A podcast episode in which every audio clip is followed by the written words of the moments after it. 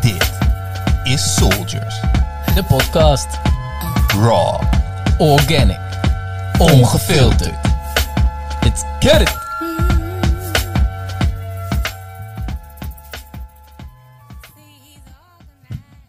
go. Shikana go wa.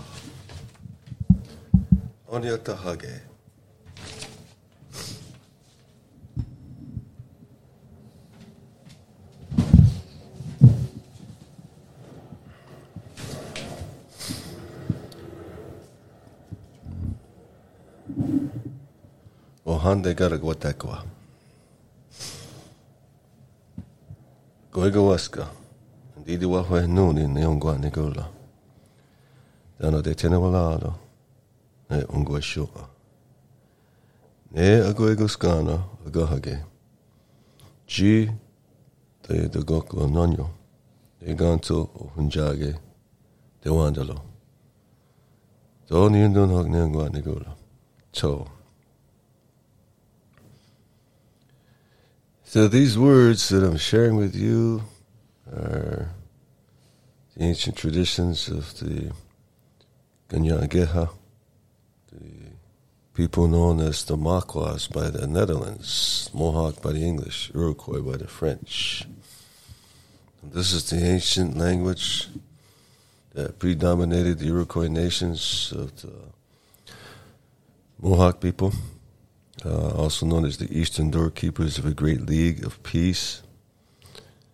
There being five nations under that Great League of Peace, which is known as the Mohawk Nation, Oneida Nation, Onondaga Nation, Cayuga Nation, and Seneca Nation. These original five nations were brought together into a union of peace by a Messiah that came among our people years ago. We call him Deganawida, the great peacemaker. And he was able to achieve one of the greatest accomplishments of humankind by convincing people that they should bury their weapons of war and replace it with words of peace and friendship, respect between each other. So the words that we extend as a way of extending my greetings and um, our gununko, the way that we express our love, respect, and friendship to individuals, our clans, our families, the spirits of nature. I'll start with the language. So normally in our communities, in our societies, when we have our um, spaces for meditation, a little bit more different than the way you're accustomed to doing it. Because ours is basically based on what I was talking about earlier with tea, right? And how does the tea serve its purpose, right? So it's customary to come into our houses to we offer you tea, but it has to do with a ritual.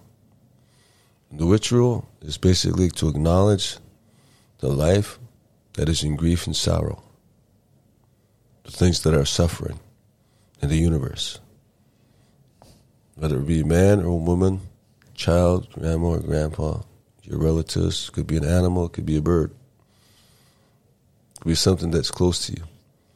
But everybody goes through a period of mourning. That's life. So we have to learn how to grieve. And we have to learn how to vent, to shed our tears.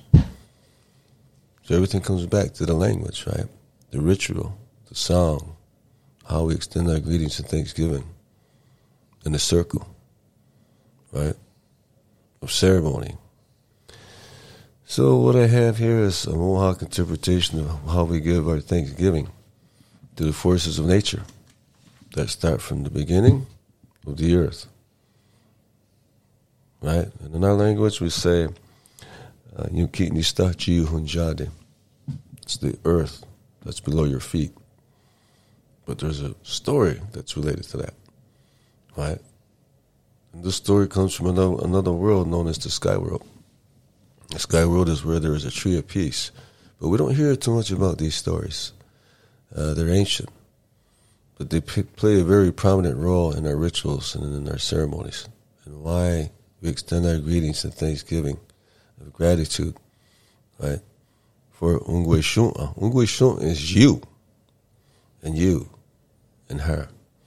You are Ungwe Shun. Say, this is the people. So what we're taught in our traditions is that when we come together and we encounter each other for a specific reason, and hopefully it's for peace and friendship, right? Then we're obligated to extend our greetings and thanksgiving to the people. So when I come to the Netherlands, as an example, I was I always say that our people extend their greetings and their hearts, their gunalukwa, to your grandfathers.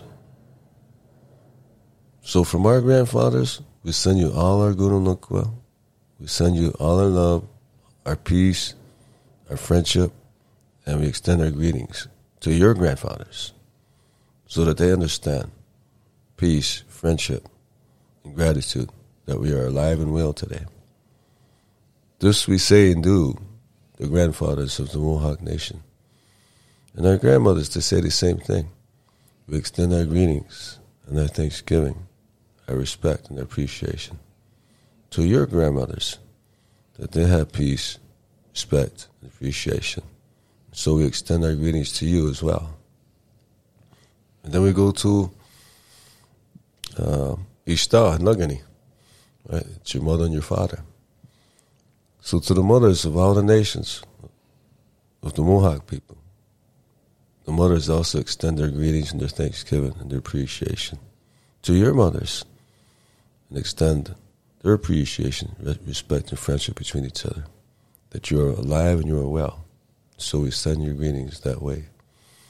And then we take our fathers, and our fathers also do the same thing. From the Mohawk Nation, we extend our greetings, our thanksgiving, and our respect and appreciation to your fathers. And hope they are well, with appreciation, respect, and friendship. So we send our greetings that way too. And then we go to our young men, the warriors, the protectors, right?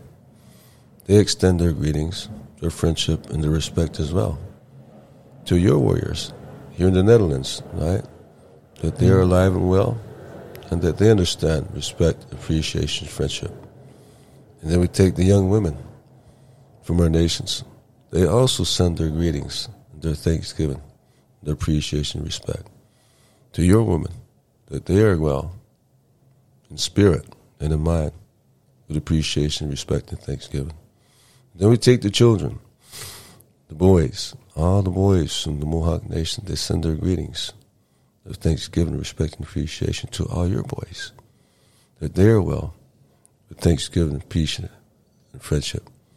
Then the girls behind them say the same thing. We send our greetings, our thanksgiving, our respect, and appreciation to your girls, that they are well, and thanksgiving, friendship, and peace. Even the children who are still in the cradle boards send their greetings, thanksgiving, friendship, and appreciation to all your babies that are in the cradle boards, that they are well and have thanksgiving, peace, and friendship. Even the ones who are yet below the face of the earth who have not been born into this world send their greetings to your people, your faces, your born babies that haven't been born yet. We extend our greetings, appreciation, respect, appreciation that they are well.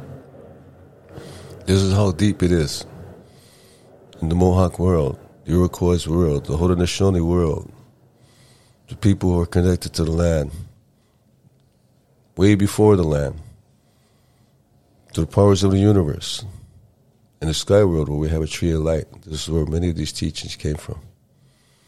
That's what it means when you talk about Ohande Garagwadaka, the words that come before all else, before the time that you were born, before the earth was born with the human race. There was another world, another people that had these teachings, and that's what they brought down to the earth. So Ohande Garagwadaka talks about how we extend our greetings and our gratitude to everything in life that gives us sustenance, that gives us the air we breathe, right? Our hearts, our mind, our spirits, all the way from Earth, you know, Kitni Statue Hanjadi, all the way up to the sky world to universe is where we direct our thoughts because it comes from the universe. And then we start our greetings from the earth where we're born and it goes back up to the universe again. You see how that works? It started from the universe, came down, makes it cycle to the human beings and they send their love, gratitude, and creation back up to the universe where it came from. Now, you don't hear this in a lot of the mythology or the cosmology of Native Americans. There are a few out there that still understand the stories of the past and where we really came from. But we are like a star people. We call Earth Mother Earth Mother because there was a woman that came down from the upper worlds of the universe, from the tree of light. And she had the power to make Earth grow. That was her power. So when she took that Earth and she put the power into the Earth, that's what she left the world with. So that's why we call it Earth Mother because it grows. Right? That all returns back up to the sky world. This is a very interesting philosophy, very ancient tradition, because it tells us that regardless of what scientists predict in their theories about our evolution, there's much more to be learned from the powers of the universe than what we see on Earth and what happens with the concept of you're going to heaven when you leave this world. The definition of, of heaven to us is not the same. The definition of the sky world is much more different, much more expanding into the universe of knowledge that we forgot about in the past. So, in a sense, when we think about where we're going in the world of Mohawk tradition, we always come back to Ahande Garigwadekwa. Right? The word that came before all else, where did it come from? So all the teachings are wrapped in there about the universe and how we play such a very important role, which is very minute, very precious in the sense of where we're here for a short period of time on our journey. And if we look at the fireflies, right, the fireflies that come into our world, they're only here for the twinkling of an eye, a twinkling of an eye, and then they're gone again. But yet we see the brightest ones that shine, right? Those are the ones that really have power because they can fly, but they light up. And yet they consume the energy from the earth, right, to live, just like the human beings do. Huh? But what happens with human beings if we consume too much, right? We self destruct and we affect the evolution of what's happening in the universe. So there has to be balance when it comes to nature. But if you look at just the common insects, there's already a teaching there that tells you something. That if you can pay attention to what happens with the firefly, then you can understand your own existence in this universe. Because you are like that to the to the time of the world. Right? You're here for a flash right? So here's the thing nature can live without the human being, but the human being cannot live without nature. Aho. So these are all the teachings, you know, and it's vast, it's expensive. it's uh, something that we all need to return to to understand what our existence is you know, where we belong, where we're going in such a short uh, period of time that we're here on this earth. And not to take it for granted that we're always going to have an opportunity to discover why we're here, right? Because we get distracted with the externalities of life, right? Serving ourselves. But then again, we say it's not what we do for ourselves, it's what we do for our people that counts, right? So that's when you take a step back and say, yeah, you're right. I have to learn not to be selfish. But even the gurus in India, the great ones that are talking over there now about their spiritual philosophies of the natural order of the universe, said at one time that they were selfish because they would not share their knowledge. And then somebody come along after 40 years of meditation and says, Guru, you have such wonderful experiences in your life, all this knowledge. How come you don't share it with the world? And the guru thought, Well, yeah, you're right. Why am I holding this as a secret when the world could learn something from the teachings of the knowledge I've experienced over the last 40 years? So the guru came out of his shell and he began to speak about the knowledge of his experiences in meditation. And he became one of the greatest gurus in the world to be known. His name is Sadhguru. So I listened to him a lot. A very wise man.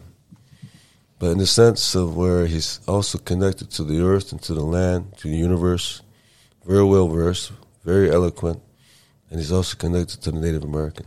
Because one of the stories he said in the past is that he had a vision. He was in, I think, the Smoky Mountains of North Carolina. And as he was traveling through the forest, he came on top of a mountain. And he saw an Indian standing on top of this mountain. And the Indian was looking over the land. But the Indian was sad because all his land was gone. And he was left there alone. And he made a connection with that. So it's powerful. You know, sense of what comes around when you think about the language of the universe, right? And the people that come into this universe that can have a profound effect on people's emotions and inspiration to humanity, right? And now it seems like we're coming to the emergence of another world that is unfolding, that is opening up for our people, because now we see people who are open to spirituality in all cultures of the world. Whereas maybe 30 years ago, you know, there was more of a tendency for people to war against each other, right? A third real war, you know, we're almost on the brink of a third world war right now with Ukraine and Russia, right? We don't know what direction it's going to go. But it's unfortunate that our people are still suffering war after all the knowledge and the spiritual religious teachings that the world has. It's ironic that you could build 10 million churches around the world and they're still fighting against each other. so, what is the part of the religion that they're not seeing? Right? Yeah, With we, that said, uh, yeah. totally uh, hear you, Jeremiah. And uh, I was I was wondering if this is still your opening prayer or uh, already in the, in the conversation. Yeah. Yeah. This is all about the opening prayer. You know, I mean, we're getting a little bit more into Then I leave you the, to it. the philosophy of uh, where it goes when we start talking about these things, but it can go in many directions. That's why I said it's vast. Yeah, because we want to make deep deep dives in all these different topics with you, but um, maybe to uh, give the listener also a little introduction about you, and also we uh, just had a beautiful meditation together, and um, we always start to talk about uh, like sharing. How was it to to become silent together, to unite in silence, and um, yeah, maybe I'll uh, pass it to uh, our friend uh, brother Miguel first. How was your meditation? You, the invisible talking stick. oh yeah, this meditation, man. Um, so to start off with, oh yes, thank you for this beautiful opening of uh, of the third season. This is the third season officially. Uh, this talk that we're having right now, and um, yeah, like always, we started off with a meditation, and um, to me, it felt like uh, the way your voice sounds deep, warm, welcome. Made me think of an oak tree. Don't know why, but it, it just felt so brown and warm, and I just take a bath in it, and it felt so uh, so welcome. And so, thank you for for for the for the energy that you're vibrating because um, for me it's always um, being in um, in a big group of people, for example.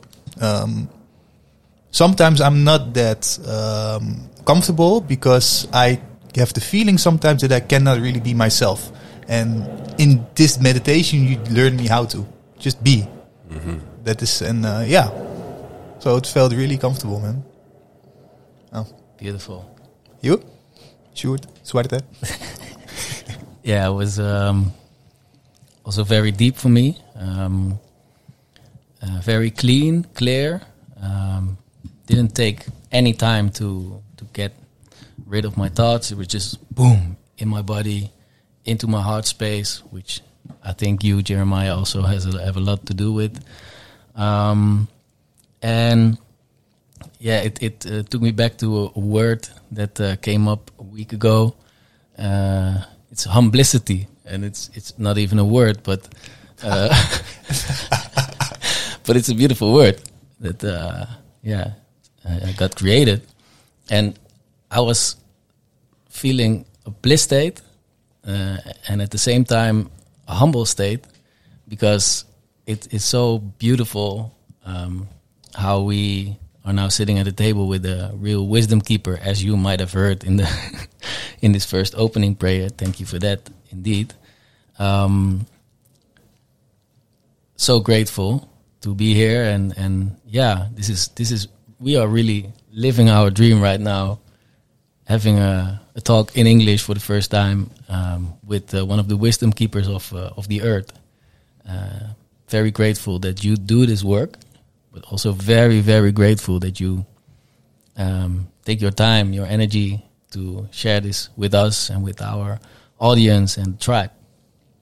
Um, and yeah, I was wondering because we we noticed uh, and we noticed before at ceremony, uh, two ceremonies uh, with Avalon, uh, you like to tell stories. But how was it for you to become quiet for 15 minutes? Very interesting. Because I was thinking about what you were thinking by meditating for 15 minutes. Right? But with that said, uh, meditation can sometimes be tricky. Right? Now, the meditation that I prefer to use has to do with ritual. Okay? And if you look at Native American spirituality, uh, a lot of the meditation is through the song. Right? So we close our eyes and we sing song, right? And we feel the energy, right? In different cultures, India's example, they have the mantras, right? Right? And they have the uh, different uh, styles and types of meditation that have to do with moving frequency levels, right? So in our ceremony, when we have uh, meditation, uh, most of the time it's when we're singing, right? And we'll sing a lot of songs? For one of our dancers, as an example, we might have maybe 30 songs in there to get through one ceremony, right? And it's just one dance out of many that we will perform for our festivals. So the meditation is in the music, mm-hmm. closing your eyes, listening to the song, vibrating your energy, you know, with the chanting that's in your heart and your spirit, closing your eyes and feeling it, right? And then feeling the movement with the people who are around you who are all silent, but they're dancing around you, right? And you feel their energy, men and women and children, and grandmas and grandpas, all dancing in unison to your chanting, to your meditation. Creates an energy field that's much more powerful and energetic when it comes to medi- meditation. So yeah, not everybody's going to get meditation uh, the way they expect it when you're sitting there for 15 minutes, allowing your mind to roam, right? Because you have triggers. Everybody has triggers, right? And I can feel it and I can sense it, right? Some people are connected and some are not because their mind is still thinking. And then after your meditation, if you're done, if you look at the person, you already know. Right? If they actually had a pure spiritual meditative moment. Right? Because you see the energy, you feel it. Right? Otherwise, the mind is working. So the thing is, how do we control the mind?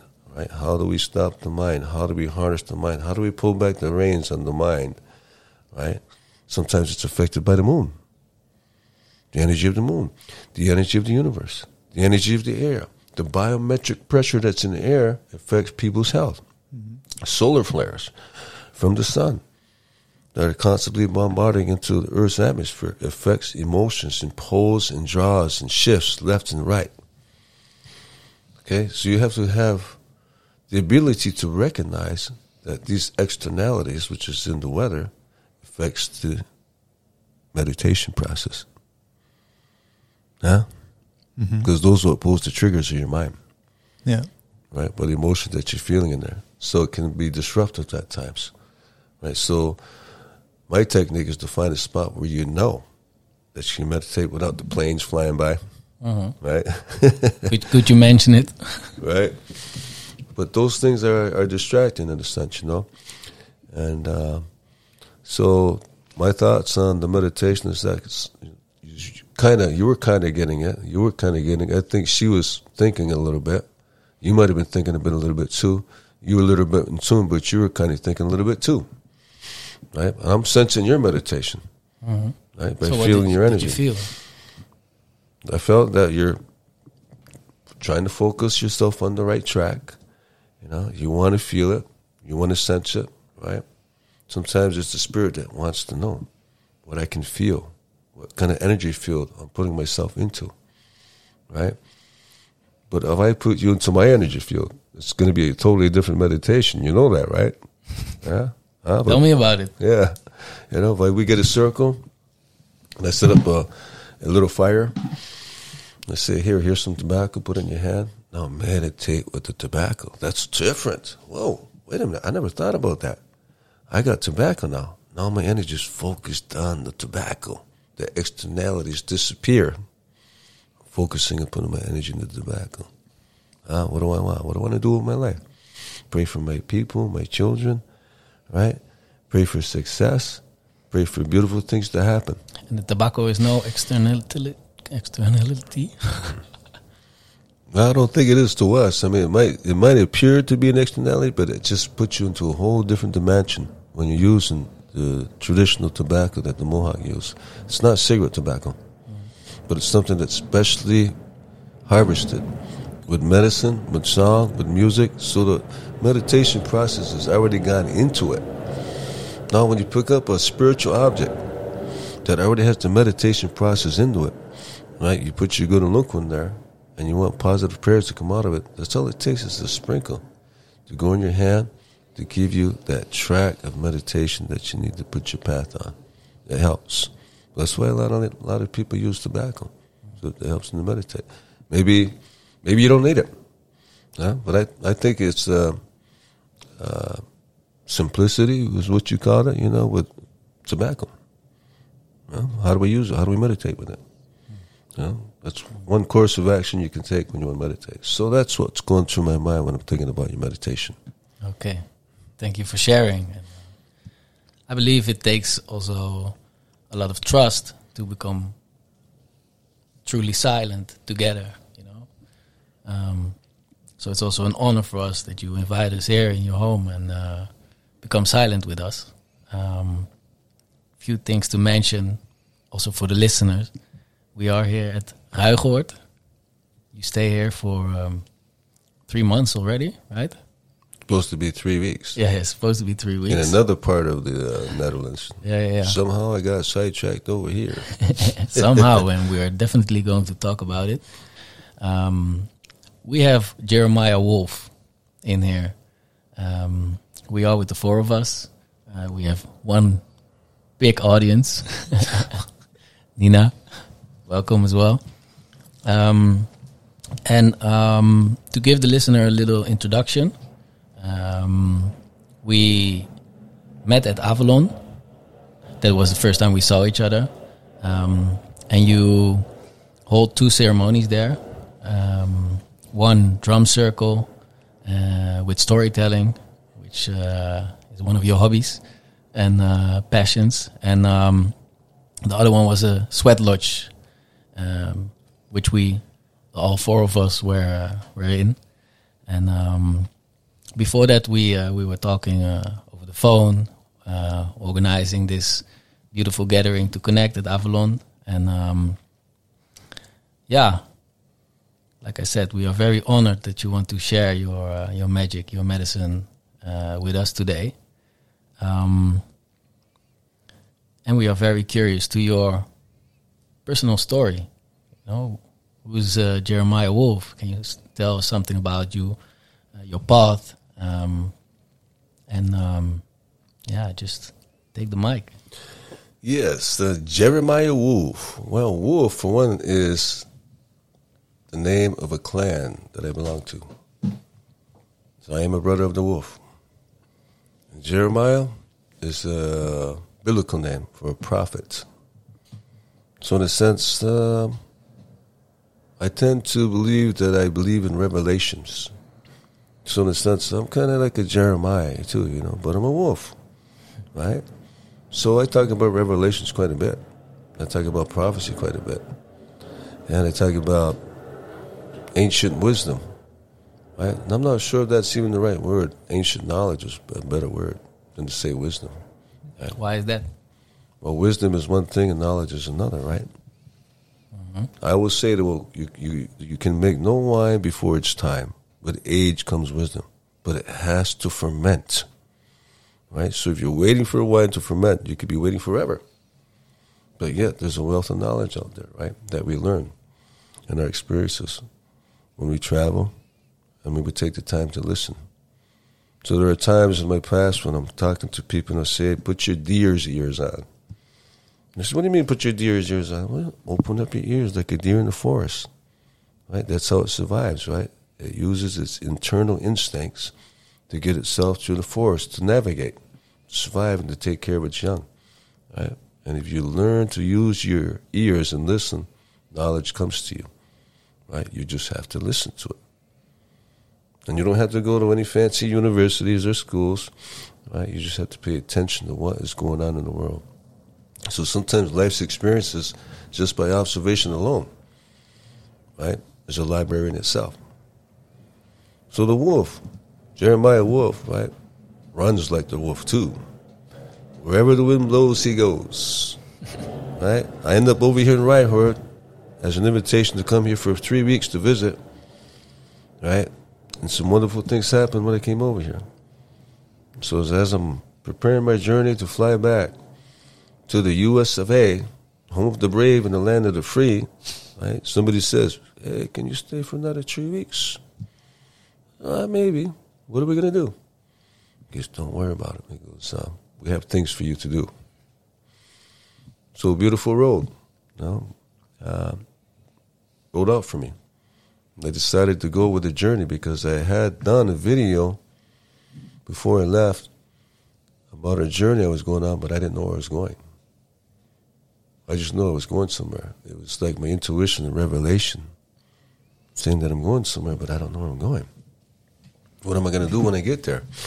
And then in the video, I remember going to a cup, and on the cup it said, Trust the journey. So I thought about that. It says, Trust the journey. What does that mean? Maybe there's another revelation. So I came on the journey. Right? And the journey keeps pulling me back another three weeks, another three weeks. Now the other three weeks is three months. Right? But so many wonderful things have evolved since I've been here. And of course, in the past, we had to deal with the, uh, the trauma of uh, the epidemics of COVID, right? Sent back people, quite a few people for the last two or three years, right? So when we're in a state of where we are in the dilemma or entrapped into a world of where we don't know where we're going from day to day, right? It gets a little scary. And then we see our relatives start passing away, right? But there's that hunger out there, you know, the need and the desire to find a spiritual uh, completeness, right? That can guide us, that can take care of us, that can nurture us, that can mother us. Huh? That's what the people are feeling as they're dying all over the world. Right? We lose the people that we love that are close to us. This could be the, the end of the planet for human life as we know it. Right? We don't know. Right? So now we spiral out of that epidemic, right? And there's still a few of us left that have survived, right? So now it's a new beginning. It's like a metamorphosis of a caterpillar that's crawling on the ground and is now ready to turn into a butterfly. This is the spirit of the people now, all over the world. They're discovering that the past was not working for us and violence is not the way. And now we have to be open to spirituality. We have to begin to understand that religious discrimination has to end. Right? Political discrimination has to end. Racism has to end. All these things that are destroying us, that is keeping us from growing, has to end. Right? So now we see new minds being born with new spiritual beginnings, people being open to learning. You know, what is the future for our people, right? But that is a plan again, according to Revelation, that was planted in the spirits of the people by who we call Yukitnista Chi Hunjade. That's Mother Earth's plan. She's the one that's planting the seeds for that. Because she understands that people are scratching, digging into the earth, right? And they're hurting her. So the only way to recover from the injuries of the past, right, is to plant seeds in there for them to think of what happens if I begin to pull life away. All of a sudden it's a wake up call. Oh wow. We're losing. We're losing the battle against Mother Nature. How many people even think about that? It's here to wake you up, to show you that Mother Nature can live without human beings, but human beings cannot live without Mother Nature. Yeah, it makes me think about um, the Colombian uh, from the Sierra Nevada, um, from the Wiwa tribe. He was also in um, at Avalon, same place, also wisdom keeper. And he said, or his assistant said, um, when we when we are born, we are children of the earth. Um, but when we are so-called adults, we are still children of the earth. Maybe we were even her babies because how can we survive without her? We need her food, we need her water, we need her everything. We are just babies. Yeah. So you think about it, right? Uh, we come to the realization that um, at some point in our life we become conscious of the environment. It doesn't happen naturally to everybody that's going into this world to be conscious of the environment. You have people out there have no clue how to deal with nature, right? In Europe, right? Because of the environment they're growing up in, right? You're you're programmed. A lot of people are programmed to think a specific way, right? And that's how they take care of themselves, right? And how to be incorporated, right, into the in- industry of where you become a slave to work, right? And all of a sudden the taxation's on top of it, you know, and then there's this vicious cycle where you're working, working, working most of your life, right? Enslaved to these corporations because you think you're taking care of yourself, right? So when you see this cycle that uh, detaches you from Mother Nature, it comes to people in different times because of the uh, externalities that they are incorporated into. Right? So we don't realize that, oh, now it's time to take care of the earth just because you're alive when you're born, right? It's going to come to you later in life. Right? When you figured, oh, I've worked enough, now I want to go enjoy myself and have relaxation somewhere in a beautiful place where there's nature, right? Comes to you at different times. Right? So sometimes it's pe- people don't get that realization until maybe 18, 19, you know, when they're expressing their freedom, they want to get out and they want to go and discover the world, then they begin to think about it. But if you already get trapped into being a slave to the industry, right, that's not really working for you, right? Sometimes you don't see nature till you're 30 or 40 years old or when you retire. You finally get that vacation. Now I can think about nature. What am I going to do to protect it? Right? And on the other hand, some people realize that they're working for corporations that's destroying the planet. Right? And they can't get out because that's their job. That's all they got. I, I've met people in the past who worked with the military and had orders to kill. Right? And couldn't divulge that secret to anybody for fear that they would lose their own life by their superiors. But they would confide in me and they would tell me, yeah, I was I was told I had to kill people or they were going to kill me. And this was during the time of where they're in the Third World War and indigenous peoples are being exploited for the resources. It still goes on today. You know, it's such a scary thing. You know? So, how how was your upbringing then? Because uh, everyone is programmed, just like you say. Um, so, how did your parents or, or how did your tribe make sure that your programming was as clean as possible? Well, it's a very good question. It's a very good question to ask because it is so complex on multiple levels politically, spiritually, emotionally, right? Colonization, right? Colonization says a lot. about Native American uh, tribes, communities, especially in America, because we were so assimilated to the process that we have to be uh, accepted with progress, right? To live in a world that was foreign to us, but was really a kind of entrapment to, again, being incorporated as a slave to work for someone else that really didn't really care what we did to take care of ourselves. But with that said, we've had so many political denominations among our people that have uh, fragmented us and have distracted us from our culture and our tradition. So a lot of us lost our language. We lost our tradition. We lost our connection to Mother Nature as well. And we became a part of this assimilation process. And a lot of it also occurred with the churches, where recently they were saying that uh, they discovered thousands of uh, Native American children uh, buried in uh, unmarked graves in these churches that were taken away from their homes and basically supposed to be taught, you know, to follow something that was going to be uh, a savior to them.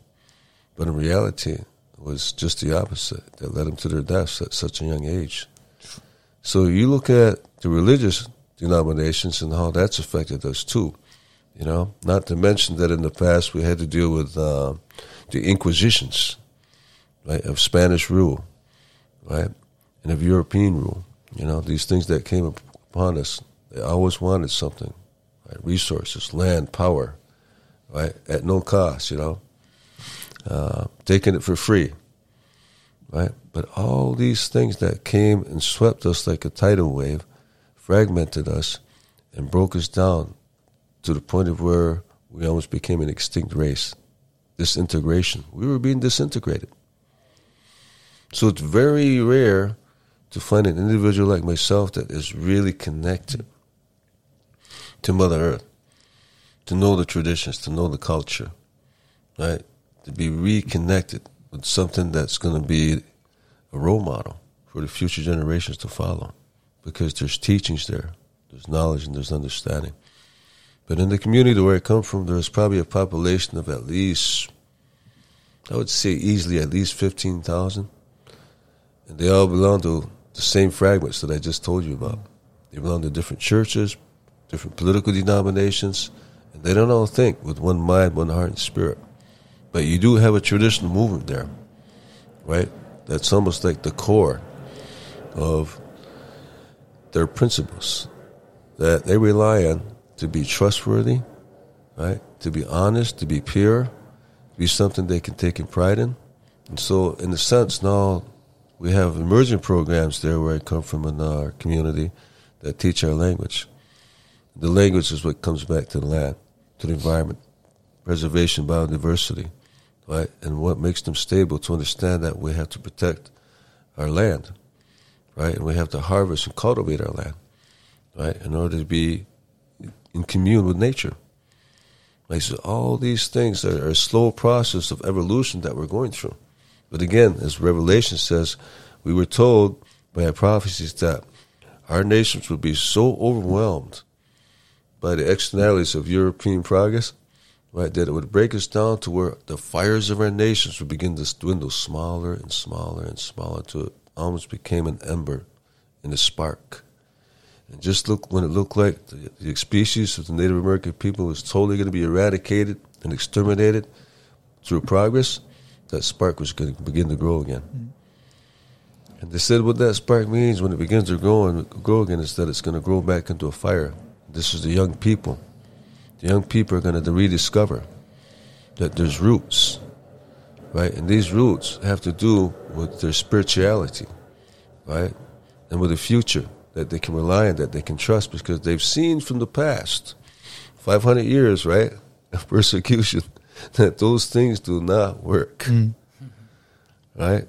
So now we're open to a whole new dimension of time and space that allows us to be free again and to come back like a wolf, like Jeremiah Wolf. Yeah, yeah, because you are here for a reason here in the Netherlands. You are on a mission. Can you tell us something about your mission Yeah. and what you're doing here. Well, I wouldn't uh, categorize it as a mission. I would just categorize it as uh, guru sharing his knowledge. Right? Why keep it secret? Right? Why hold all this knowledge down? Right? If people really need healing and they are seeking healing, right? So again, we're looking at the vibrations of the universe. What is it that comes from the vibration of the universe, right? That we need to heal, right? Earlier on, I said when we were drinking tea, right? I had a story about the tea, right? And the tea has to do with soothing the heart, warming the heart, soothing you, right? Making you feel at home, huh? So you drink the tea because it heals you. Right. So with that said, what our people need is a, a way to heal themselves, and a lot of them don't know how to heal themselves. Right. So we have a ceremony called uh, wiping the tears. And when our people come to visit us in our communities, if they sorrow, if they suffer from the loss of a loved one through through grief and pain, sometimes they cannot come out of the trauma of what they lost because it just tears the whole world apart, and they don't know how to get back up on their feet. This is the same for every culture and religion in the world. Every being goes through the same process, but we don't have the techniques, right, to teach them how to heal themselves. So they become lost in the void. Then what happens is they get older and older and older, and they have all these layers of grief and sorrow. And all of a sudden, there's an inner child that doesn't grow. It's covered up with multiple layers. Right? A nine year old child that's probably 30, 40, 50 years old right now that cannot grow because it wasn't consoled. There was never a condolence ceremony that was performed to heal the inner child. So sometimes it becomes very difficult to take people who are traumatized with the pain of the past because you got to take it up layer by layer by layer until you get to the inner child. Say, are you ready to grow now? Right? But you have to wipe their tears. Right? It's like a mother that has a child. Right? She has to nurture the child. If the child cries, the child gets hurt. It's the same with uh, spirituality of the human beings. The human relationship that you have with people, right? In order for them to heal, my technique is to, when I see them on the journey, and they come to visit us in our communities, even here in Ryhort, right? When people come, I wipe their tears right away. I don't even ask them. I just say, I'm here to wipe your tears. To clear the mist from your eyes, and dispel the clouds of darkness that were in your past. I release that from you now, and I wipe your tears. And then I move to the ears. I says, sometimes your your ears becomes deaf to the world. You do not hear anything, and you become deaf to your people. But I removed the obstructions from your ears so that you can hear the children once again, so that you can hear the birds once again, and you can look for the future generations of the people who follow in your footsteps. Now, I now clear your ears so that you can hear the beautiful manifestations that have given birth to this world, and I release the darkness of the clouds that have made your ears deaf all this time, so that you can hear clearly once again. Then we go to the tea right? We take the grief and the sorrow that has been choking you, that has been suffocating you all this time with such a sorrowful, hurtful heart. And we offer you this tea as medicine to make you feel well, to make you feel good, and to wash away the pain and the sorrow so that your heart can feel normal again. This we say and do when we wipe the tears the people that come into our communities. So this is what I've been doing with people that come to Riothood. And they literally they go into tears because nobody ever consoles them. But everybody goes through it. Right? And then once they release and vent, then the inner child can grow again. This is human relationship. Okay? And this is how we have to be with each other because even the animals have uh, compassion for each other, right? So, how does that work in in in your own tribe, your own community? um, where the, the Mohawk Nation, indeed, um, which has years and years of suppression and build up traumas, and it's yeah, the stories I can imagine are quite quite intense. But I can imagine that the the level of trauma uh, within the community is quite high. Um, especially when I when I look at my own uh, origin, Suriname, uh, when I go back there, um, when I go back to the Indian tribes, um, for example, I see I see a lot of uh, alcoholism and whatnot to, just to suppress it.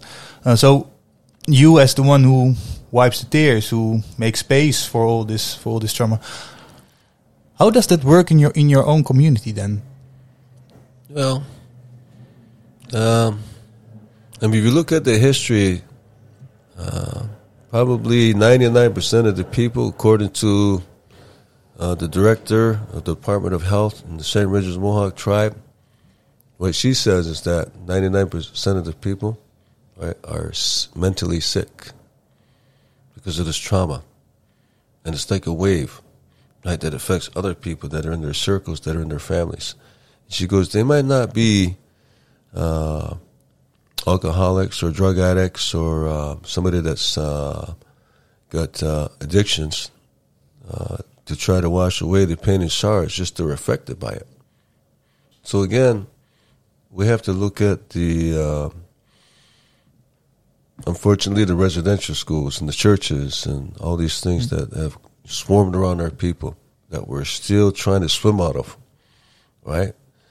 And so when the director of, health uh, in the tribe tells me that 99% of the people are affected by it because they're all related, it says, okay, I understand, right? But every Native American community, every culture that I've been through suffer the same consequences.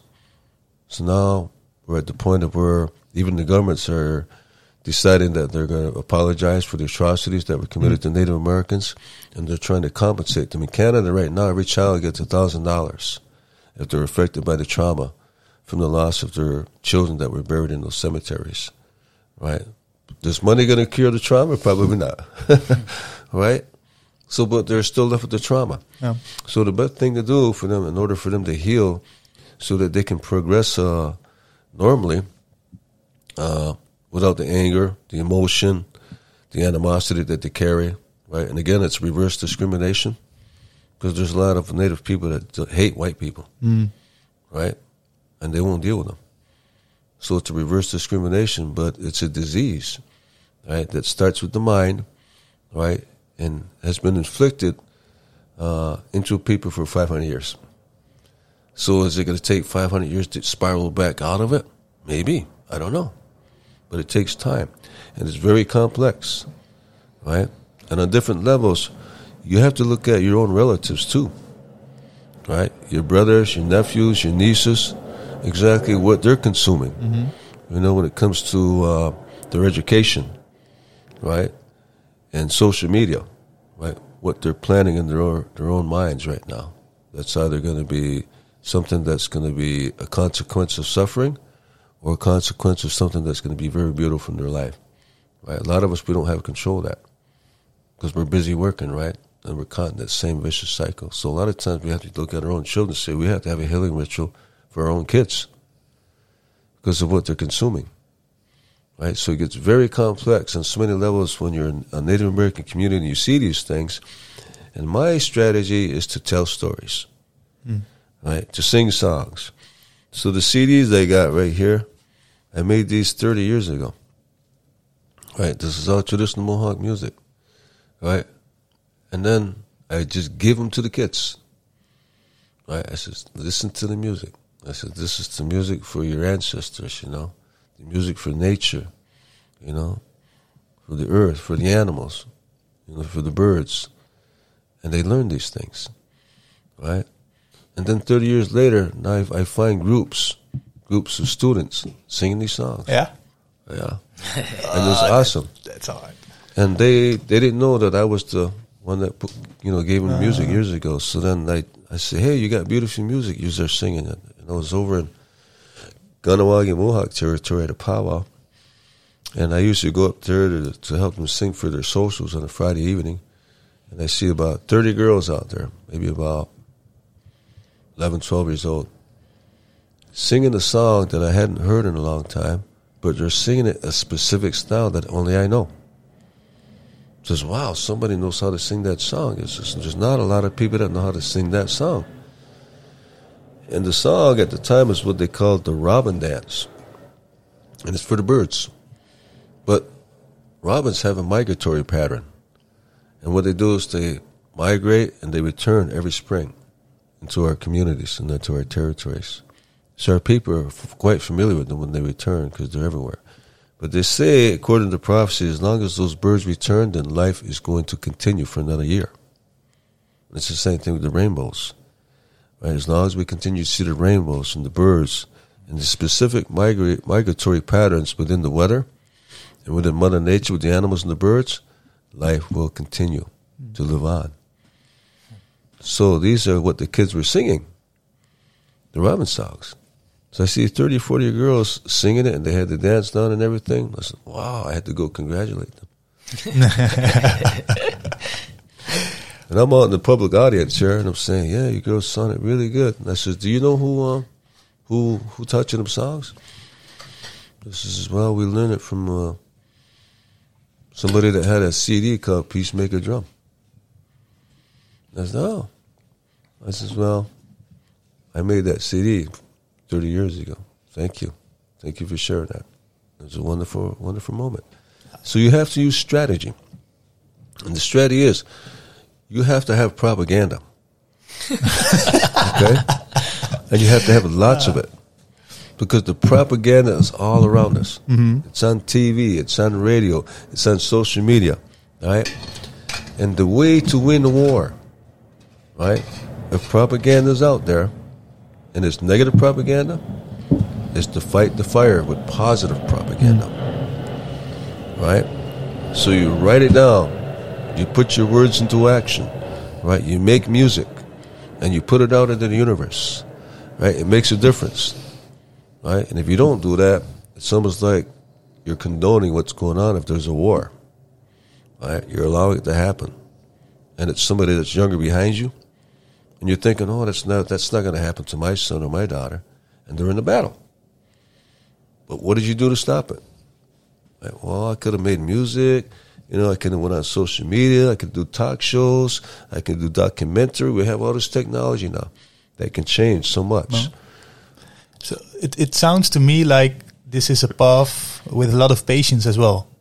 Because you put some work in, you plant the seeds, and then you just hope that in 30 years um, some plants will start to grow. And obviously now it did. But did you ever had moments when you lost hope? Well, I don't think about it as hope. You know, I just think we're obligated. You know, if we're thinking about the future, right, to plant seeds, right. But you have to look at all the different uh, layers, uh, the multiple multiple dimensions that you can utilize your power. What is your power? I mean, how do you utilize your power, right? So there's a Mohawk elder that came to me one time and he goes, uh, "You want to have a drum?"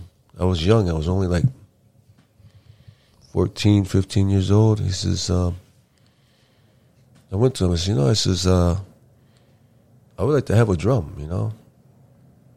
And he goes, well, why don't you get one? That's because I have no money. He goes, well, if you have no money, he goes, um, that's all you have to understand is responsibility. I said, what does that mean?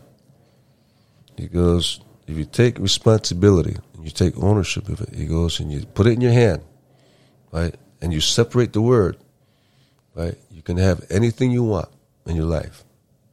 That's all you have to do when you separate the word is put respond in one hand and an ability in the other hand. All you do is respond to your ability for what God the Creator gave you with your hands and your body. And if you're not handicapped, you can make yourself a drum. And then the bell, right, the light began to flash, a path of light. So I began to create things.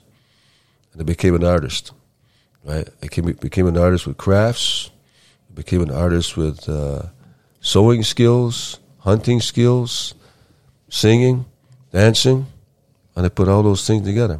Then I realized, okay, I'm listening, right, and it's going to help. But now I'm manifesting all these different uh, layers of uh, uh, skill and craft and talent. I'm thinking about how I can utilize this, right, as a propaganda machine in a sense, right, to fight a battle for peace. It doesn't work on just one level. It works on multiple levels, multiple levels, right. So we're fighting a war. We have to think about who's going to take our place after the war is there. Mm-hmm. And the only thing that can change that if we instill our strategies of our knowledge, our spirituality, mentally, physically, spiritually, into the children, right? And we invest into them, right? It can change the world for a better place. But we have to put our words into action, right? Yeah, yeah. Oh, um, but for a lot of people, maybe propaganda would sound a little. Yeah, it carries associations, you know. Mm-hmm. So when I when we say propaganda or programming, I, I it makes me think of the question like, how do you make sure you, as a propaganda machine, um, taking responsibility to your ability, um, keep yourself clean and clear? Yeah. Okay. Well, have you ever looked at the history of uh, the War of Cuba? Okay.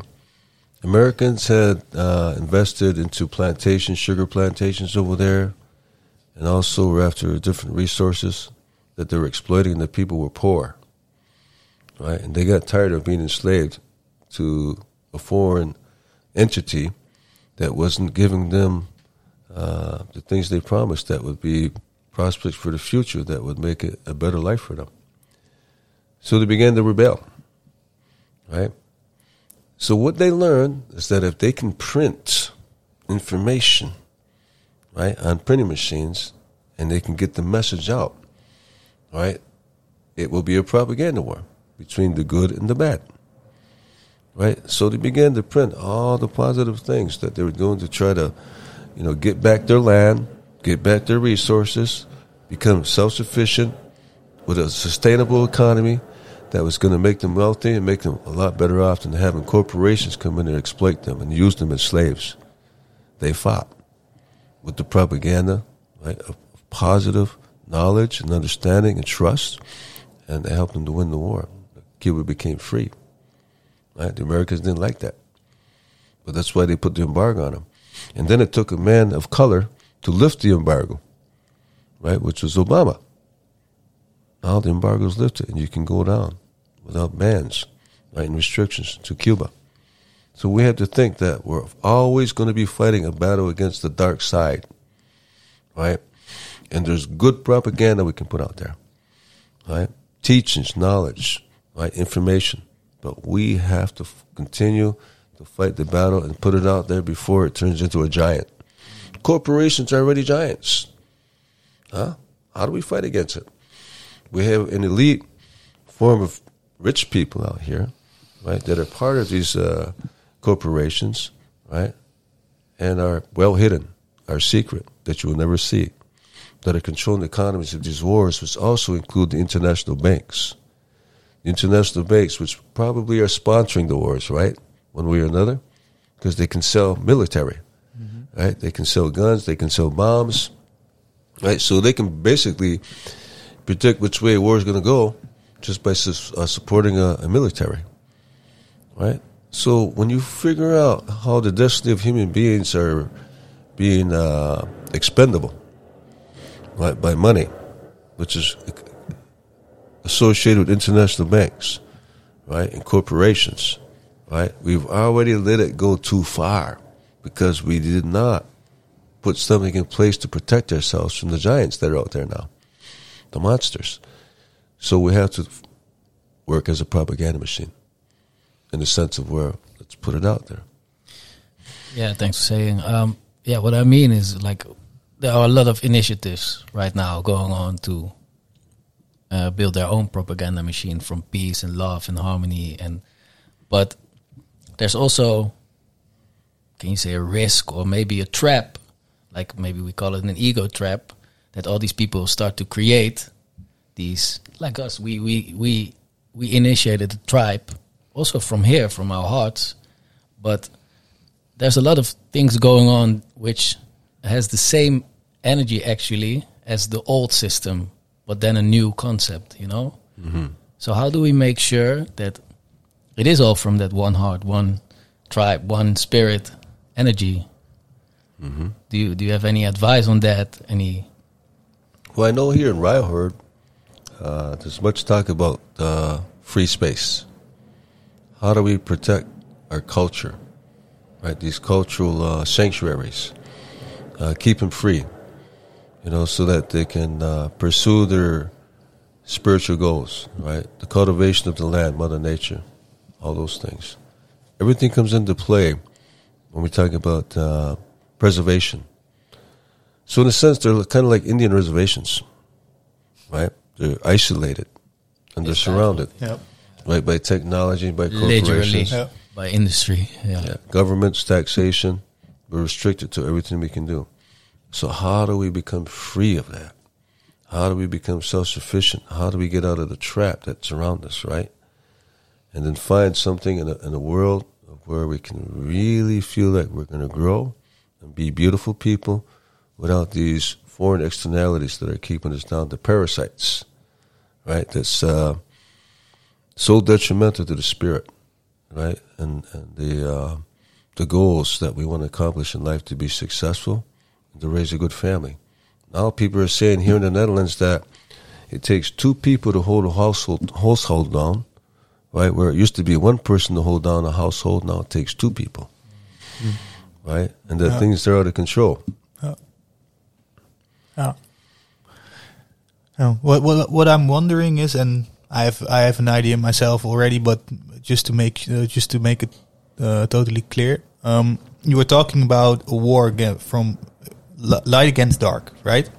Um, the cure, like uh, I'm understanding now, what you're saying is are quite tradition traditional medicine, like getting back with, in touch with nature, get back to your heart space, um, get in balance again. Um, That- that- rituals. yeah, that that that sounds seems like the light now. The dark is more the Western influences, right? Um, so, are you saying that um, you should get back to the old ways again and like eradicate all the Western influences, or is there some kind of path that goes right in between those? Well, it's a good question. You know, how do we proceed, right? Uh, with the delicate balance of Mother Earth, right? We see that um, even with um, the wars that are here now, that there could possibly be a third world war, right? And we still see that the Amazon jungles are still being cut down. You go to Canada, they still got clear cutting going on up over there. And um, so it's very complex. And I, I, I can't give you the answer for your question because it can go in any direction in multiple levels. But when it comes to traditional medicine, all these methods are going to be effective. You know, if we put it into place. And uh, but then, how do we cure somebody that doesn't want help? Right? How do we cure a corporation if they don't want help? Right? How do we cure a government if they're not listening to the people? Right? all these things that are there that are not willing to work with positive spiritual teachings and knowledge and understanding.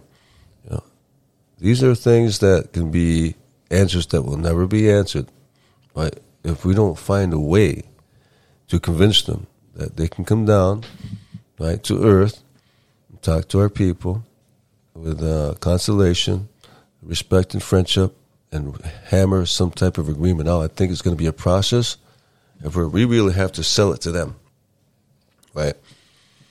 That contaminating your bed is going to suffocate you eventually in the future. But what can we do without attacking them with resistance, right? Uh, then what I my strategy is to okay, well let's write stories to these corporations. Just say, hey, you know, there's some negative effects going on with the exploitation of uh, your industry. Um, And then I use the children. I says, well, if your child is with us out in the rainforest, uh, what would you think if that child ran into a bulldozer and the burning of these forests and that child got hurt out there? And it was your child, right? People begin to think about it. Right? Well, yeah, I'm working for a corporation that's exploiting what's going on in another world, which I don't want any part of, but now my child's going to be in danger, right? So you have to find a way to infiltrate in such a positive way to make them realize that their lives are affected by it as well. They have to process it. But the thing is, is they're not going to see it and they're not going to stop unless you start pumping information into them, right? So if it's kids that go to school from these corporations that go to go to school just the common kids that are local, right, can make a difference if they all become friends, right?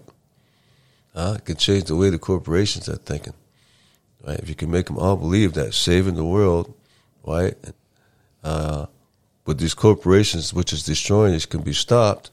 We all think that we can work together. So somehow we have to unite them, you know, in the sense of okay, if we can achieve world peace, we have to stop the corporations that are exploiting us. It's not, not going to be an easy thing to accomplish.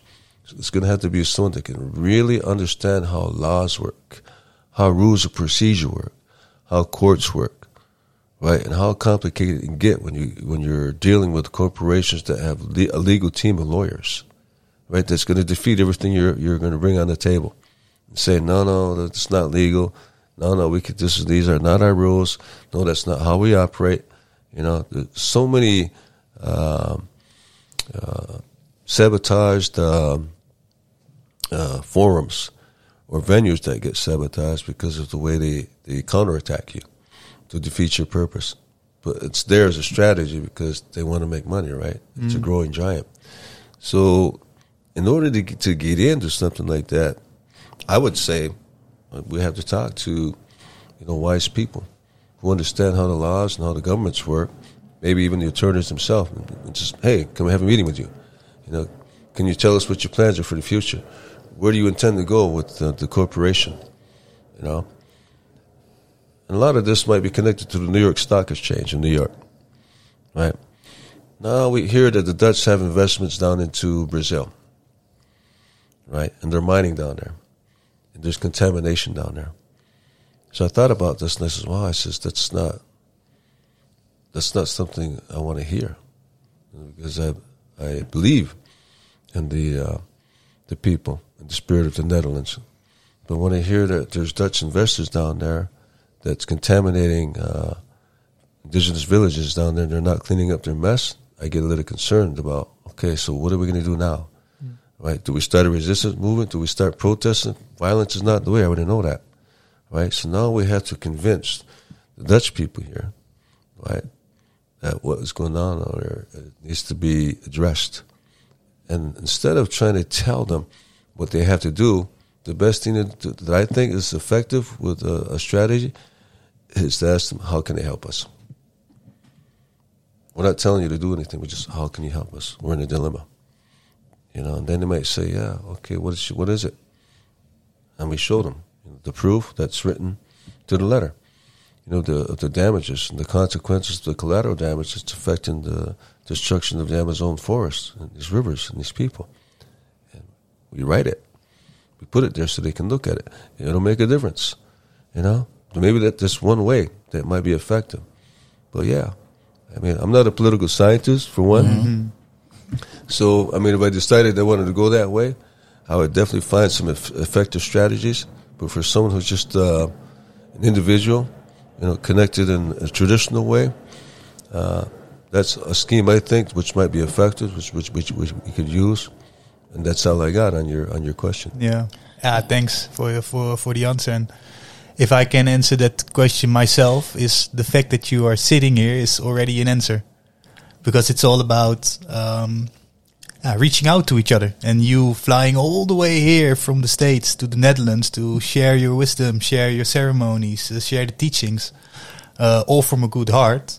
Uh, that yeah, of, of course, you have a good, good time and making a lot of new friends. But if you're looking to the bigger picture, there's so much bravery in this um, because you really put in the the travels, the work, um, the loving vibes um, to show like, hey, Um, we are not here to fight. We are not here to blame. We are here to, uh, in cooperation, uh, look for a solution. And just like you said, it's yeah, uh, that that's that's all you have in in some sort of way. But on the other hand, that's all all it will will take.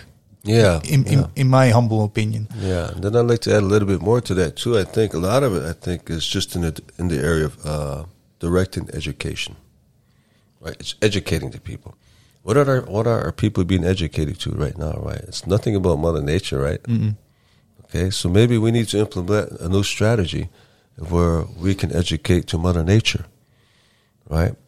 And then implement a, a strategy where we can educate the corporations and the governments of what the what the people need, right? And we have to say, we the people, mm. right? We have a dream, right? That we can change the world for better. This is our proclamation. This is our declaration. And you keep pumping it out and out and out. And eventually, they're going to keep reading and reading and reading.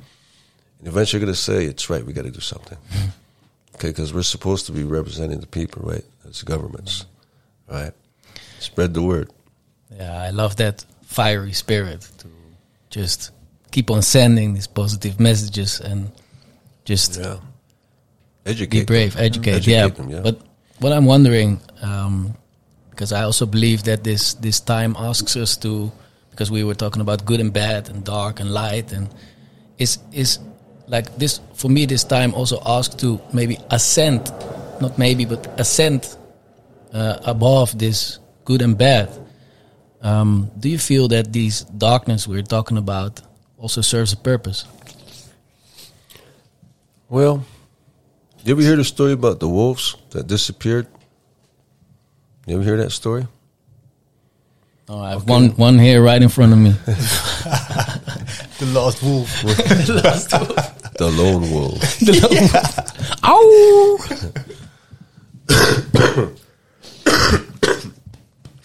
anyway, um, it might have been Yellowstone National Park, very famous park in uh, USA. I've been, And, uh, I've been they, there, I think. They were saying that uh, they wanted to control the wolf population.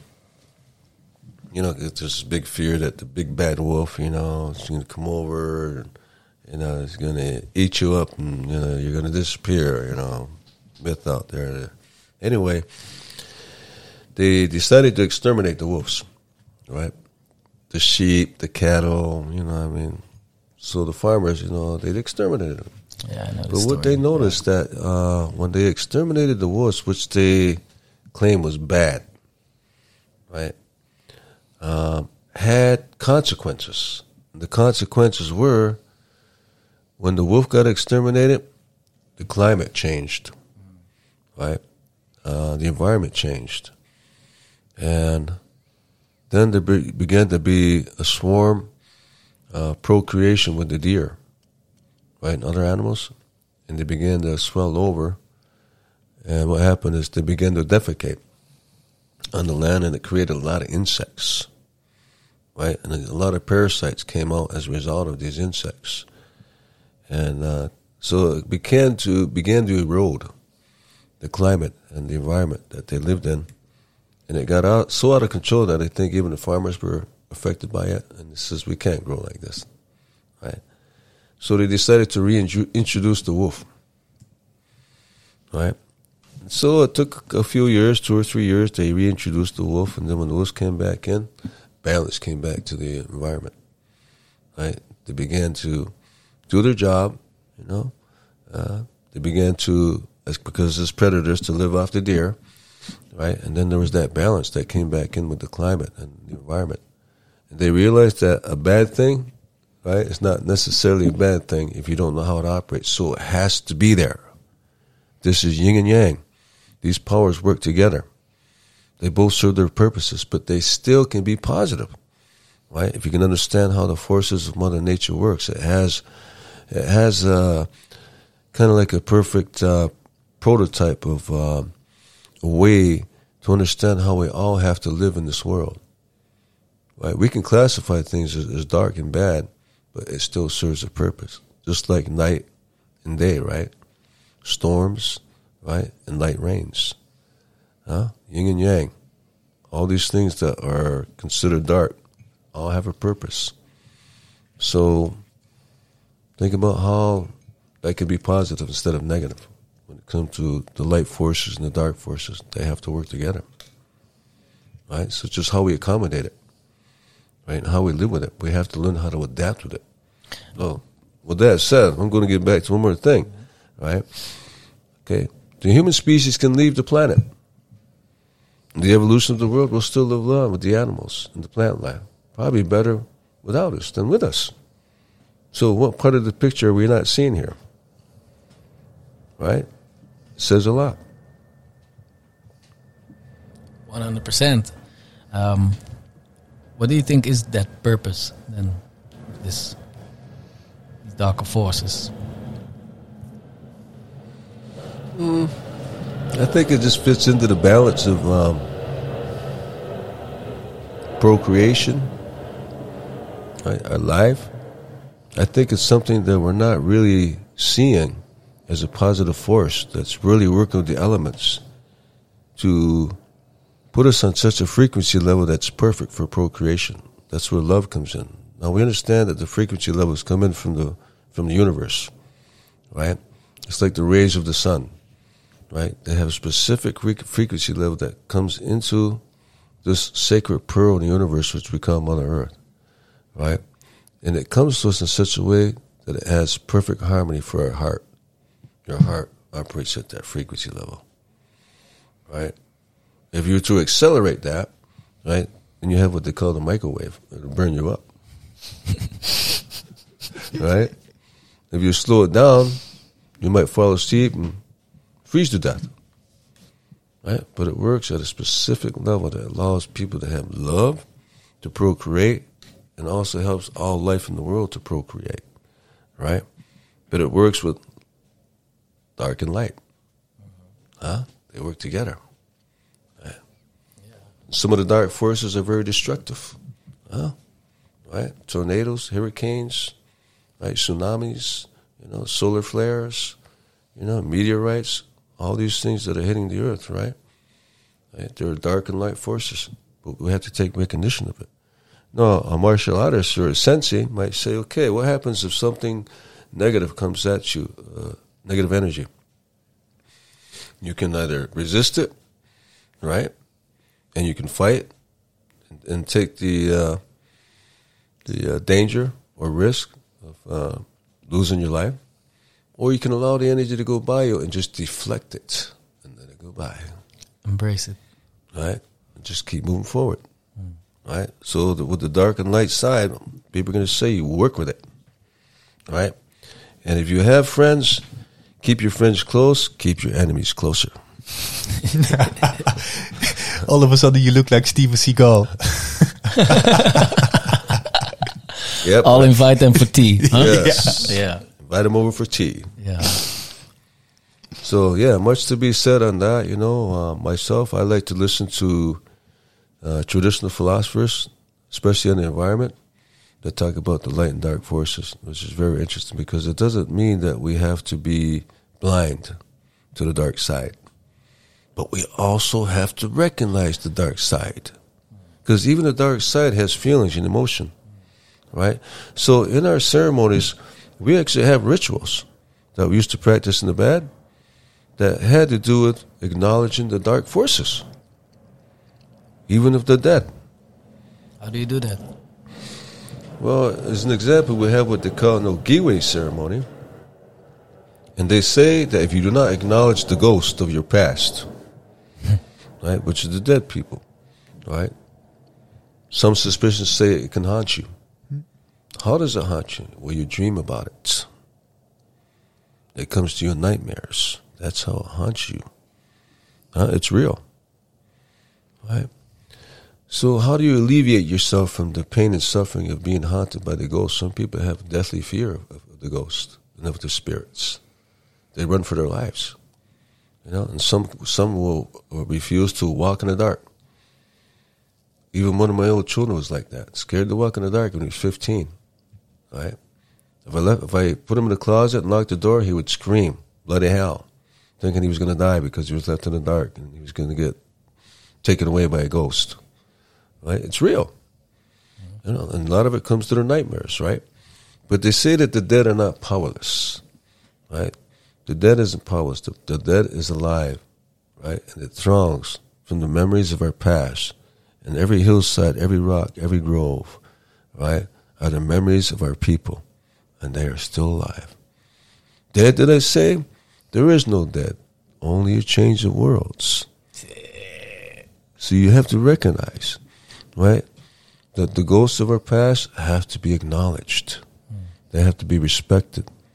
So our rituals go back, and we actually put out food with our chanting and our dances for the ghosts of our past and the dead, and we ask them to be at peace with us.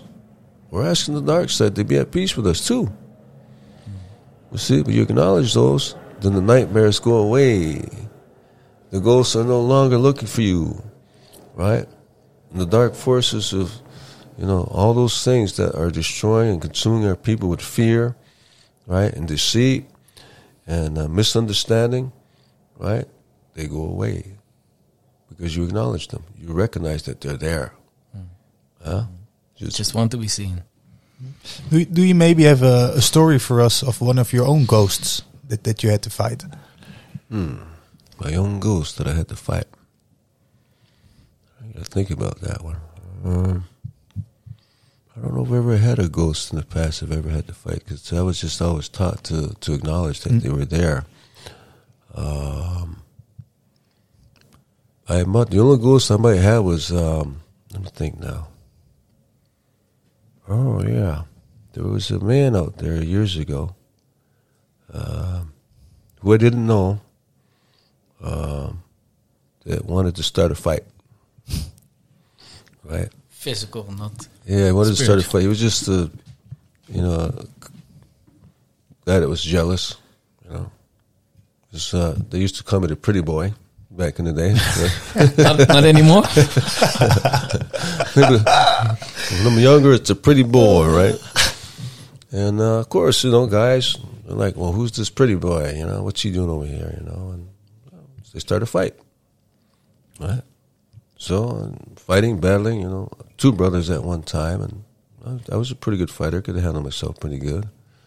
There's one guy that I got in fight with, caught up to me, and uh, he had some martial arts skills, right? He was a big guy.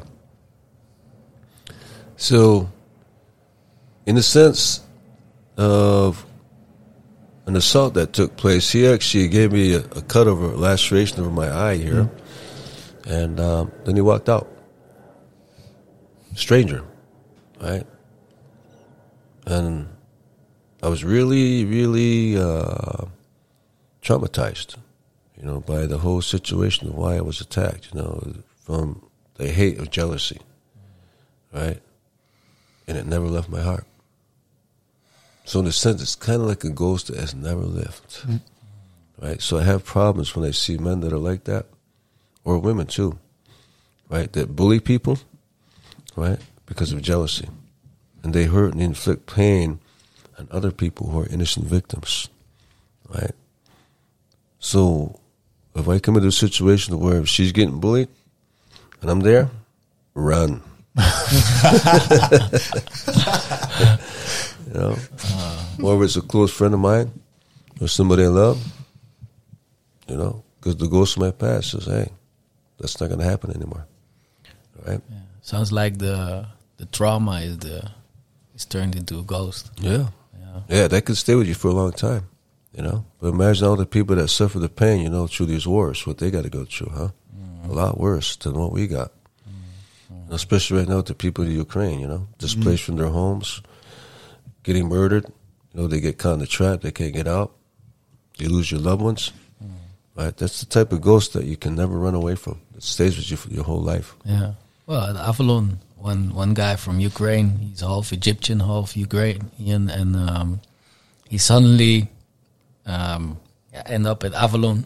Now he's like working with us. Uh, we pay him some money, and it is so so beautifully inspiring to see how positive he takes life. And of course, the trauma is there.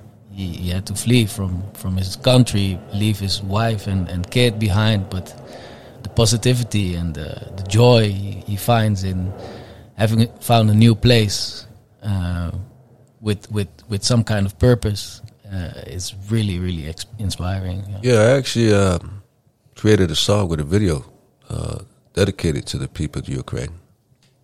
Beautiful. We can uh, we Yeah. can share Yeah, it we can uh, share in it, the descriptions. Yeah. Yeah, I'll, I'll send that to you. Yeah, um, please. And it's all about um, uh, peace, you know, over hate, uh, love over hate, peace, not war, you know. And it's a beautiful song, and I put it out on social media and Facebook a few months ago, and then I started to share it again the other day for the people here in the Netherlands because I I, I put it out on Front Street in USA, but now it's in the Netherlands. People are really connecting to it, but it's about our Ukrainian brothers, you know, and what they're going through. But again, it's consolation because I agree with you. I cry for you. I feel you, and I I uh, ask the powers of the universe to protect you. It's like my song. So I'll share that with you, you know, and you're welcome to share that with your you know, your community, you know, Mm, people that Yeah, you're talking to Yeah, out please. there. And I think you'll like that one. Um, something else that comes up now is because we, we have been talking about darkness and, and, and ghosts and trauma, and it can be a little heavy. But um, when you came to Avalon, you, we, we shared a circle together. We worked with the drum. You did a lot of beautiful storytelling. We shared a hut. But you were also talking about a beautiful story, um, which we haven't mentioned yet. Um, it's about the, the relationship between between the Dutch and the, the Mohawk nation. Um, I think this story, we think this story deserves also a platform as well, um, because it's such an inspiring story of how to always invite people for tea, mm-hmm. because you never know what they will bring you. Can you mm-hmm. share, share something of that of that story with us and with the with the Dutch tribe? Yeah, let's do that. That's going to take a few minutes, but what we're going to do right before we get to that is we're going to take a break. I'm going to make some more tea, all right, and then we'll come right back. Yeah, let's do that. All right. You guys are uh, got a lot to say here, huh?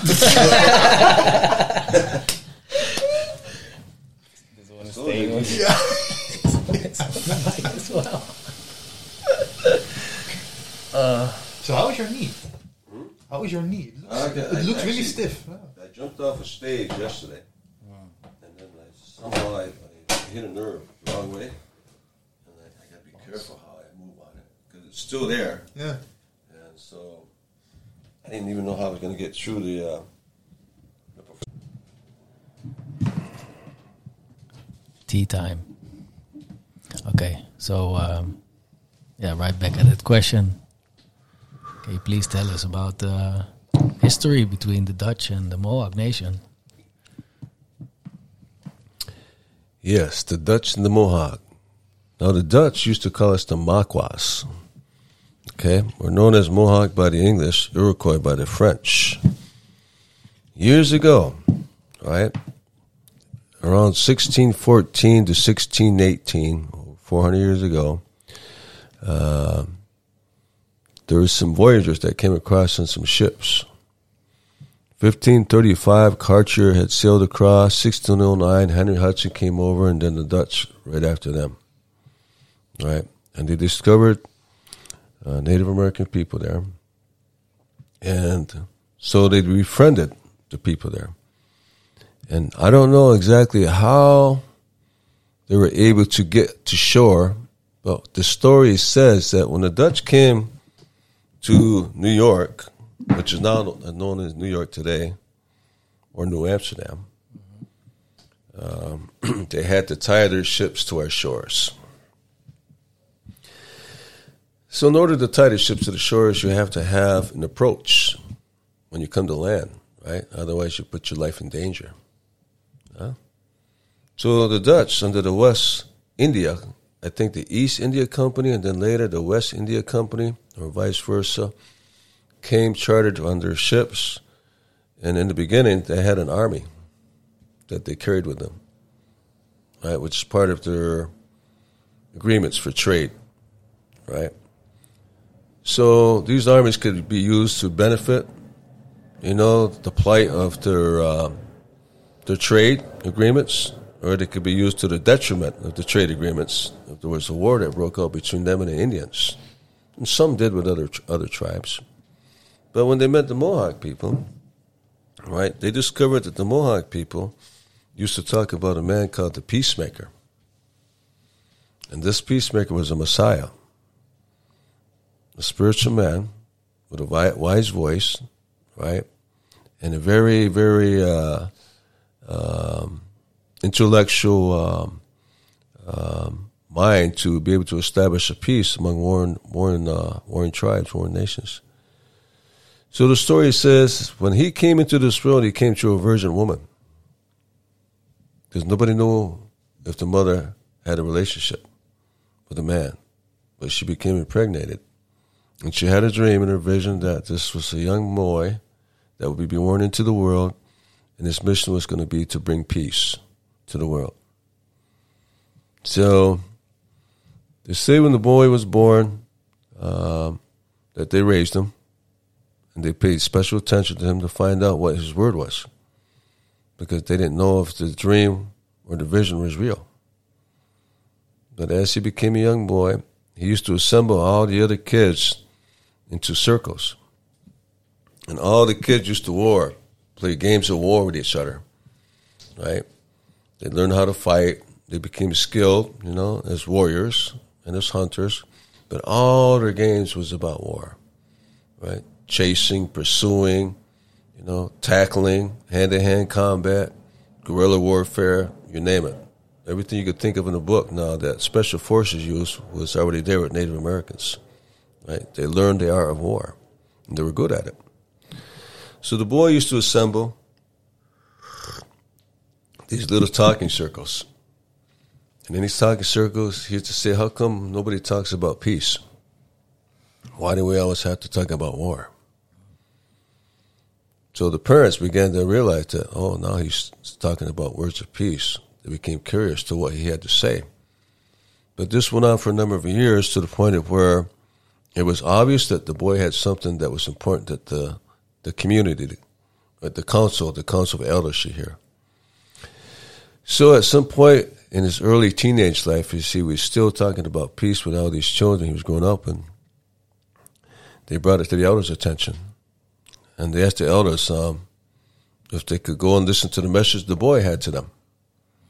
So they invited him into the house, and then the boy says, Yes. Um, they asked him, What kind of message is it that you have for our people?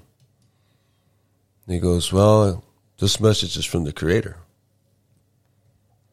And I came here as a messenger to tell you that we all have to stop war. And then they realized that the dream and vision was real. Right? It was a revelation that the mother had when he was born and what he was going to be talking about.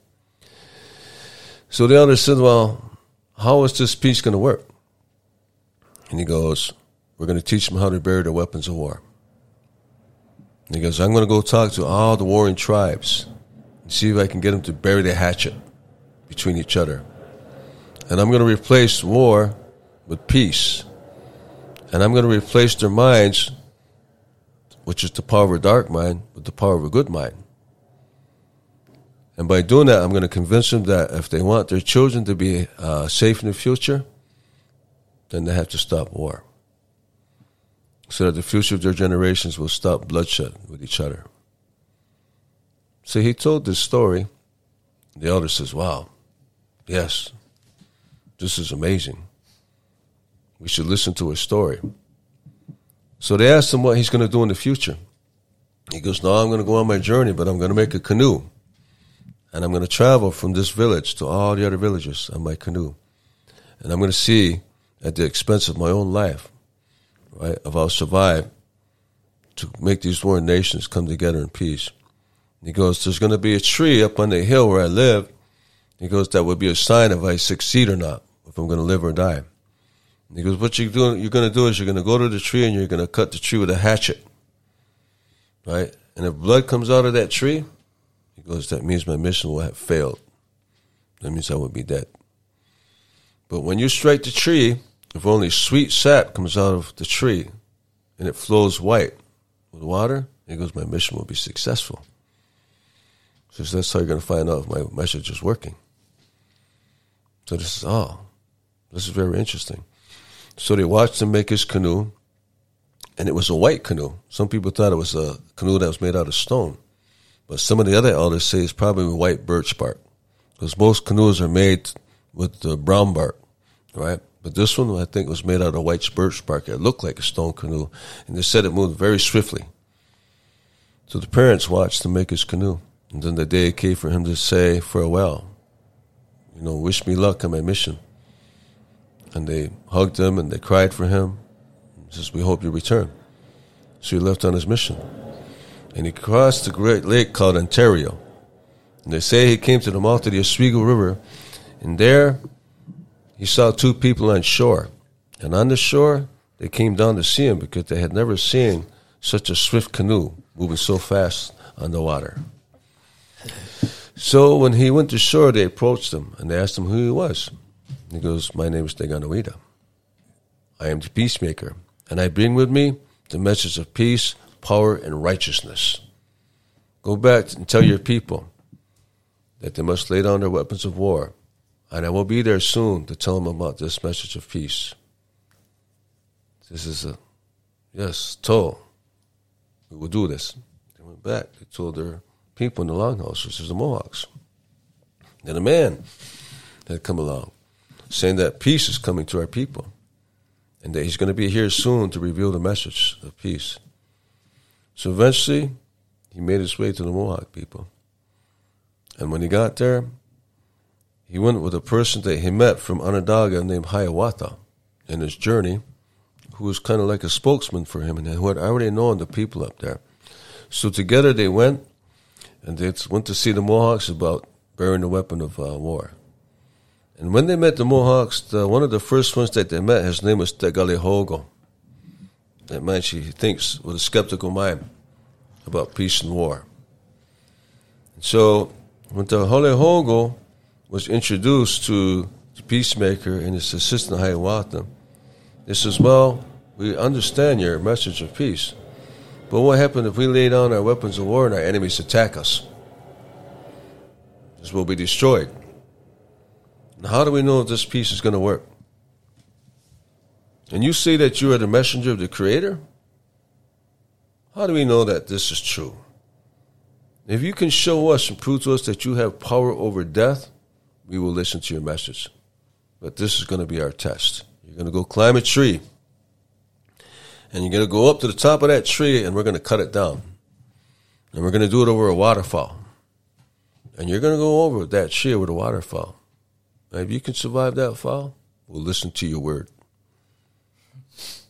So he climbed up the tree. And they went over there, and the whole congregation of the village went over there, right? And they cut the tree down. And he went over from the top of the tree into the waterfall. And he disappeared.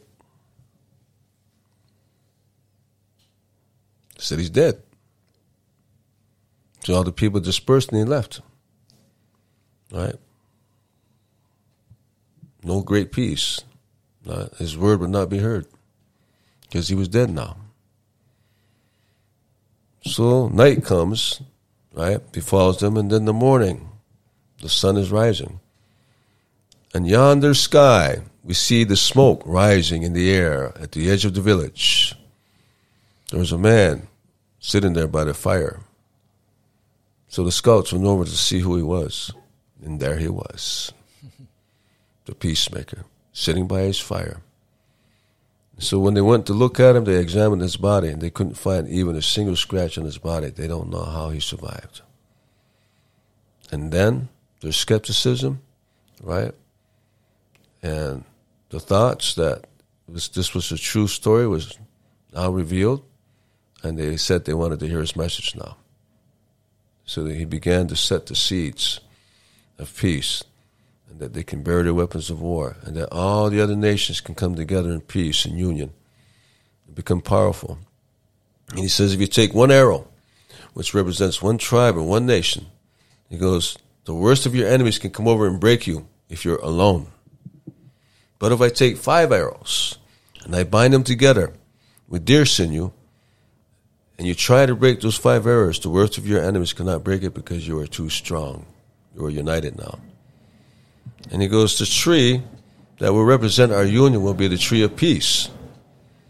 And under that tree of peace, if you ever look at the leaves, there's a cluster on the leaves that are five leaves or five needles in the cluster. He goes, that will be your symbol of your strength, that tree. And it's going to be a white pine because that white pine is, serves as a medicine for our people that cures our illnesses.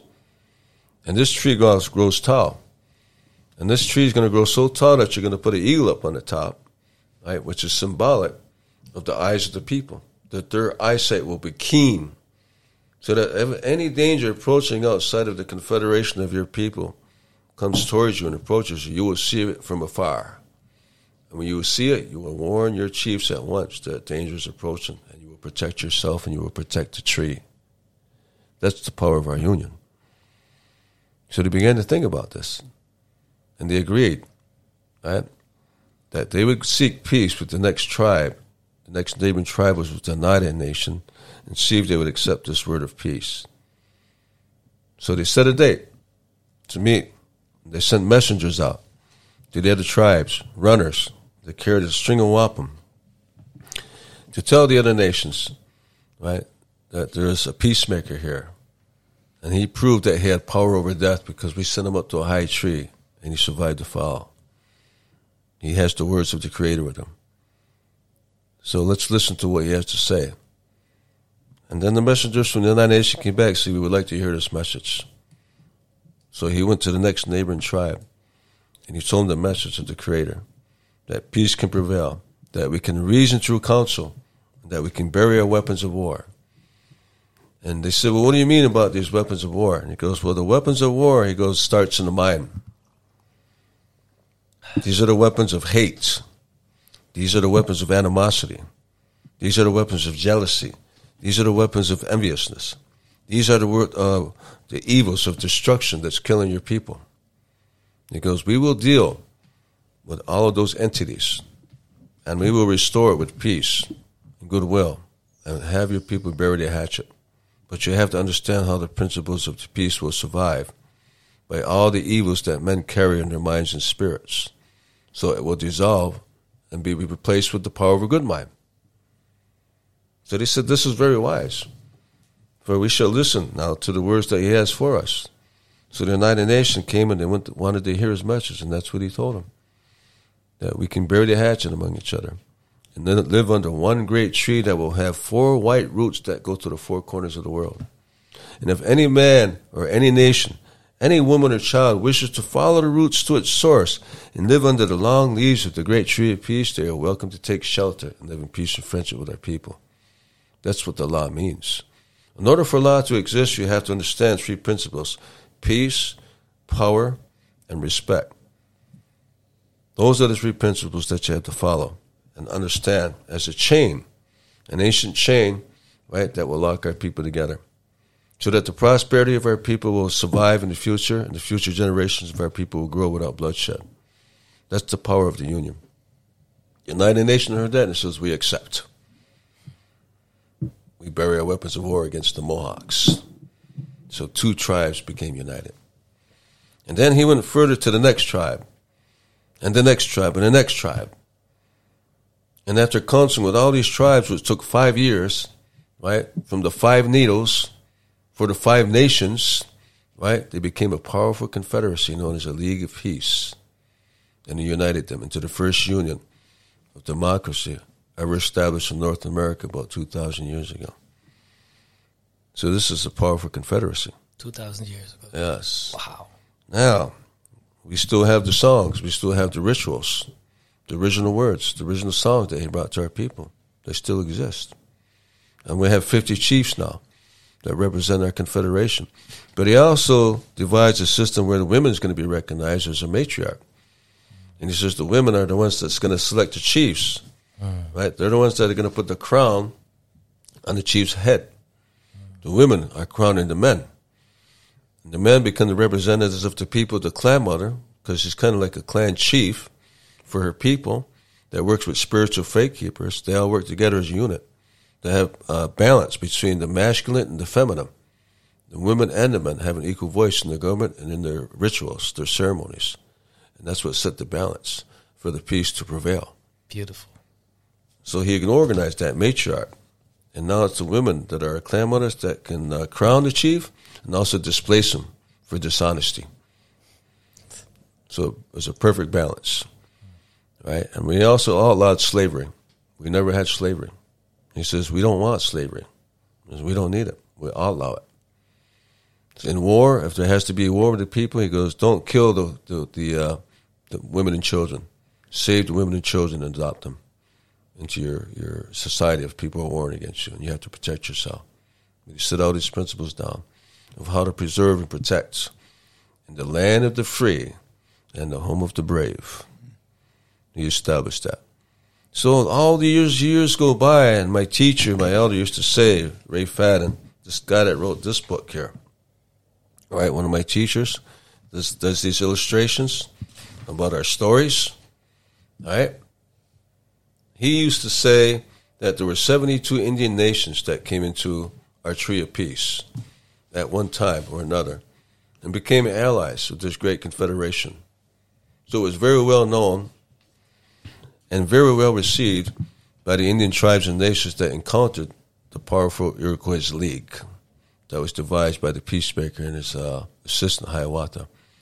So years go by, and then one day, a great winged canoe came from the east,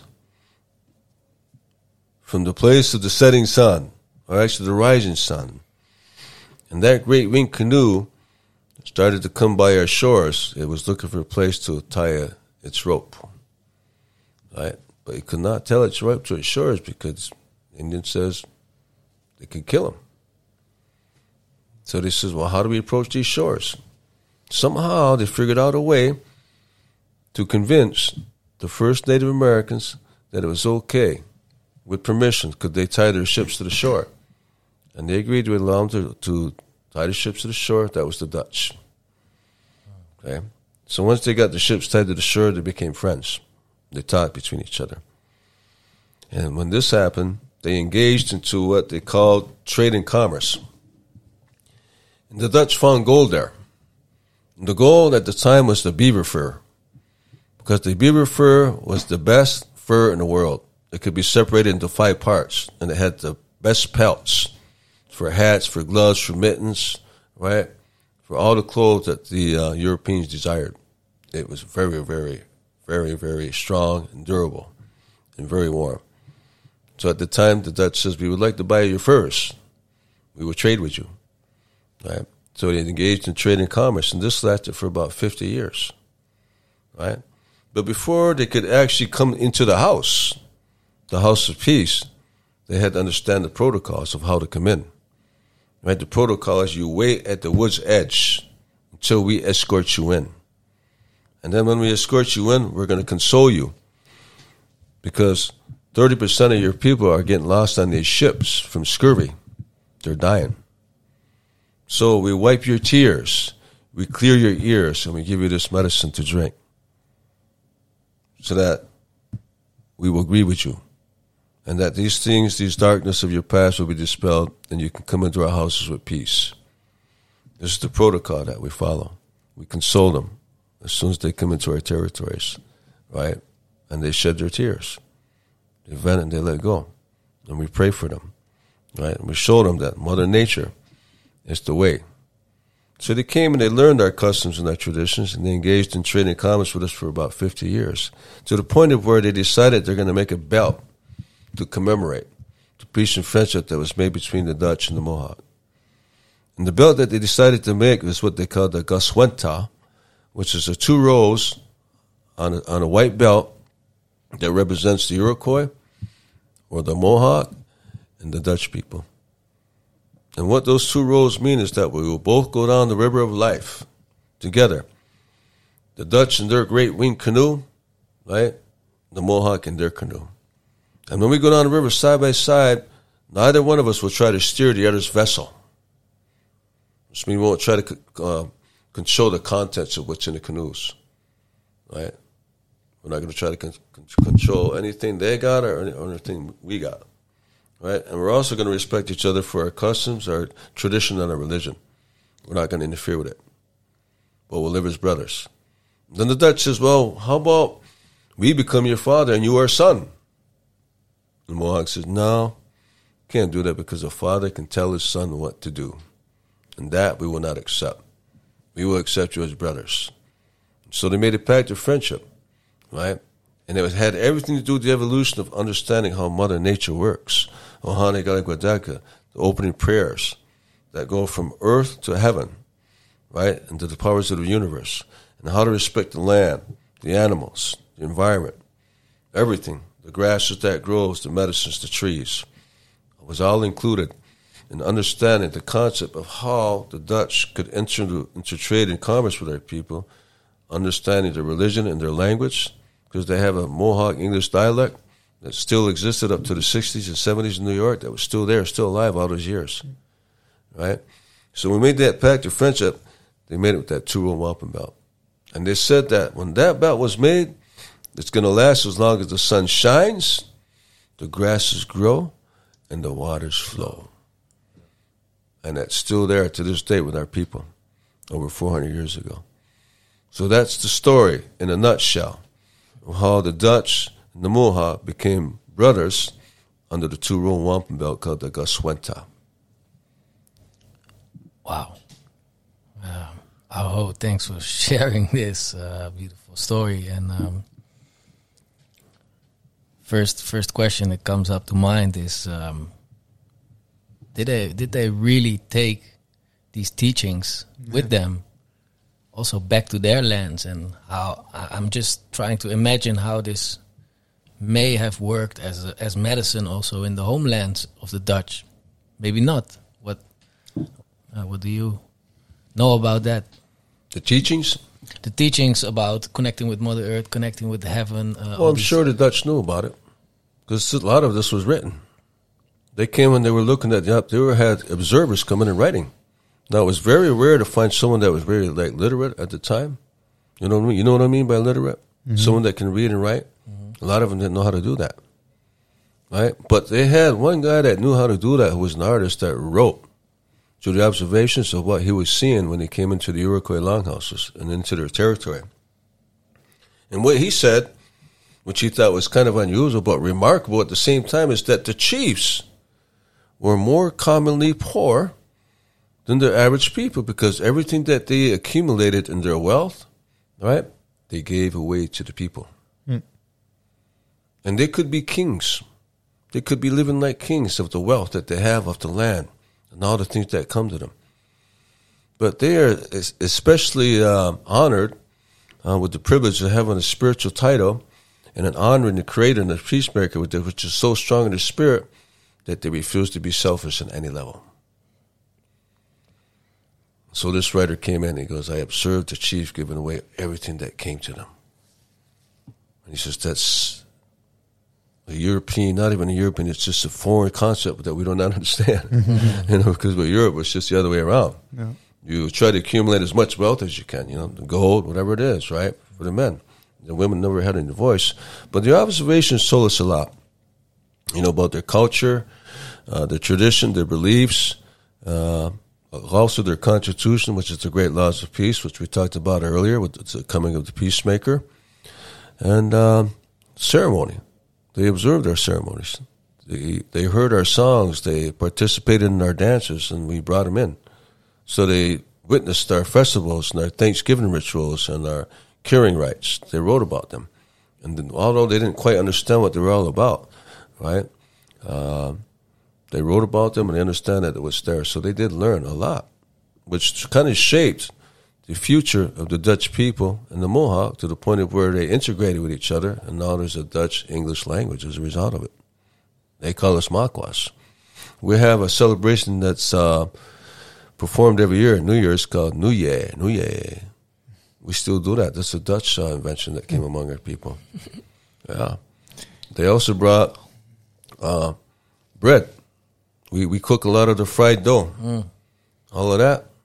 Like they brought that with flour. We had corn. They brought flour. Right now, that's a big tradition among our people. Right, so we start to look at the integration of how much uh, they contributed to each other with food, uh, with medicine as well. A lot of those medicines that went back to Europe came from our people. Scurvy was it was uh, uh, another thing that went back from the trees that we cured them with our teas. These all went back to Europe, right? And it saved thousands of people.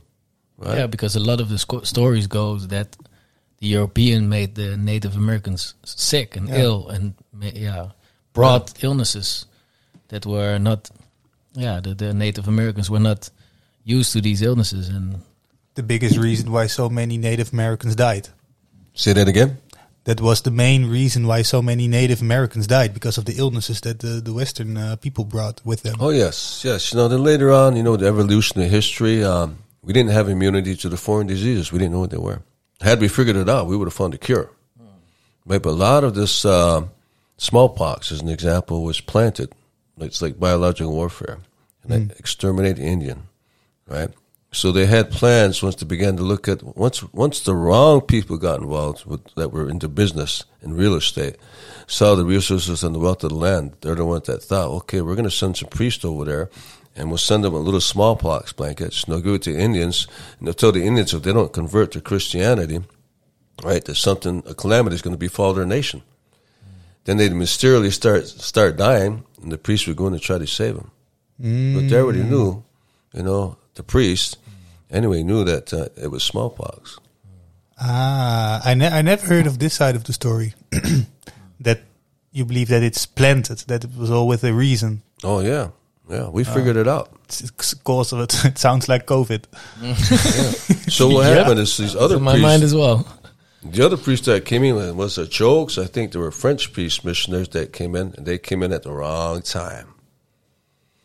Because one priest brought in the smallpox that was killing those people, right? And then when the other priest came in, the Indians already caught on to them. They're going to try to infect us with something else.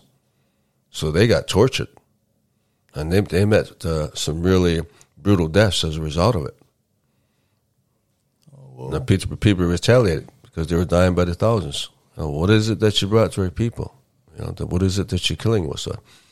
And you brought it, you know, you people brought it. And they figured it out, they retaliated. So the French missionaries did not succeed at all when they came in to try to convert our people. Right? But unfortunately, we lost a lot of people to epidemics of, of disease that were uh, planted. They were, it was uh, premeditated you know, because they saw the resources of the land and the wealth, right? And this came later on with uh, other uh, uh, countries like England and France, right? I don't think the Dutch had brought any missionaries over to try to convert anybody because they understood that they had to have respect with our people. Already told them, you keep your religion, you live your way you want, the way you want to live your life. We're going to live the way we want to live our life, and they understood. Right? The English didn't understand that when they came in later right? So there was consequences for them as a result of it. And then the French suffered the same uh, collateral damage as a result of encroaching on Native American territory when our people figured it out. Hey, now you're up against a confederation, right? Unfortunately, we, lo- we lost half of our population. Uh, it was decimated by disease. Yeah. Well, Yeah. um, yeah, this is of huge important importance as well, of course. Um, but what I find then so in, inspiring, um, and uh, Henri Delacroix, who is also also in our podcast, we we mentioned it. He also says it like what I find so inspiring is that then these um, colonizing companies, corporations, uh, they they stole everything, they murdered, they they brought diseases and brought so much trauma to the to the natives everywhere in the world, and the the beautiful like kind of prophecy is that now it's uh, the other way around. But these people, these wisdom keepers who got um, still into contact or found back their contact with um, contact with Mother Nature and uh, the sky world, um, come back with their medicine to to share the medicine, and because we all have a greater purpose than staying in this in this relationship because there's only one earth and uh, we have to share it together um, yeah, I think that is beautiful and so inspiring to also let this sink in. Well, I always said earlier, do you know, that this is just the beginning of a journey for me. Right? The other This thing that the two, the, the other thing that the two row wampum says, right, is that we're obligated to each other, the Dutch people and the Mohawk. And what that means is that if we need assistance, right, mutual assistance, uh, food assistance, whatever, you know, that's out there that's affecting their economies and their health, that's all we have to do is ask for you. Ask for you to ask for your help. And you're obligated to help us. That's part of the friendship agreement. See? And it works both ways, right? If you ask for help, we're obligated to help you. That's part of our agreement. So, in a sense of this becoming a reality, we could ask for resources that would help our communities to come out of the dilemma of trauma. The Dutch want to help it, right? And vice versa, we can help the Dutch people over here to learn more about nature, right? And survival and being close to the environment and biodiversity so that the protection of your people can protect yourself from the corporations that's surrounding and suffocating you as well. That's how it can work. And that's the way it's going to work. Now, here in Ryerherd, we planted the tree of peace, right? And that tree of peace is a symbol that two nations can come together. That's the Mohawk and the Netherlands, the, the Dutch, right? And if they can share their teachings together, right? Modern technology, right? Also with traditional teachings of the past, and Mother Nature, it might do something that's going to save the world in our future for seven generations. So the tree of peace was the concept of reminding you, right, that we have an ancient chain of friendship, peace, and respect that has to be told over and over again so that your children do not forget where we stand together with one mind, one heart, and one spirit. My obligation is to remind you and to polish the chain so that world peace can come over, uh, end up as a consequence of us coming together, the world will end the war. That's part of the reason why that peace tree's there. Beautiful. Thanks for doing that work. Yeah, Thanks for sharing the teachings. Yeah. yeah, yeah, and much more to go. Much, much more to go. This is just the beginning of our journey. Mm. I meet you young people, and I say, hey, you know, you you have an open ear, and you want to learn some knowledge. Take something open with you. Just keep your ears open. You're smart like a deer, right? And what do we do? We take the antlers of the deer and we put it on our chief's heads. That's the symbol that the, the, deer pays attention, but he also protects his people. The deer uses the horn to drive away danger, right? If there's mountain lions or cats that are attacking the herds, he protects them with his horns, huh? We do the same thing, but we keep our ears open. Huh? That's survival. So that's what people need to do over here. Keep your ears open. It's your survival. Huh? You be smart like a deer. If they know, we should be able to figure it out. Right? So much to be learned on this journey. Like I said, this is just the beginning. There's going to be many more to come with our people coming across from the Great Sea to visit your people. And what we're going to, what we intend to do is to start cross cultural experiences. So groups of our people can come over and visit the Netherlands, and vice versa. You can come and visit our territories, and then reenact all the traditions we had in the in the, in the past with Mother Nature. Is there already a list, or uh, where can we subscribe? Yeah. Yeah. And we're going to go bigger, much bigger. And we're going to engage back into trade and commerce again, right? And we're going to do it with our seeds. Because in the Netherlands, it's getting hard to hold on to a pure seed that it, it mm-hmm. grows another season. We have the seeds. The seeds is the future of your economy, your people, your food, right? Now we come together, there's nothing that can break us apart, right? Now we bring the other nations in, right? We get stronger. Eventually, become real peace. But it starts with two forces.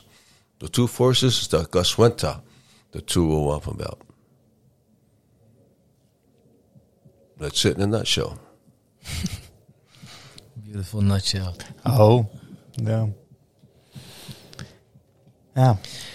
They say you are a great storyteller, and you've, uh, yeah, um, made us listen to some beautiful stories. Um, we would like to invite you to to share one of your stories that you really feel like is of huge importance for us to to know. One one one you feel you should share right now with with us in the audience. For the youth? You're talking about the youth? Let's go. Okay, listen to this story right here. You're gonna like this one. right? There was um, an old man, right, that was walking around in the forest one time, and uh, he was pretty ragged. You know, he's kind of he was homeless, and um, he was hungry. So they say he traveled to nine villages, and when he came to the first village, uh, there was a woman, because they're matriarchal that ran the house, and she came to the door of the longhouse. And over the door was the clan emblem, you know, of the clan that she belonged to. So he goes to the house of the deer. He knocks on the door, and, and she comes to the door, goes, "Can I have a place to rest my tired body? I'm hungry. Can you give me some food, and can you shelter me? I'm cold." And she says, "Yeah, yeah, Hawas, go the other way, old man." We don't want you here. Leave.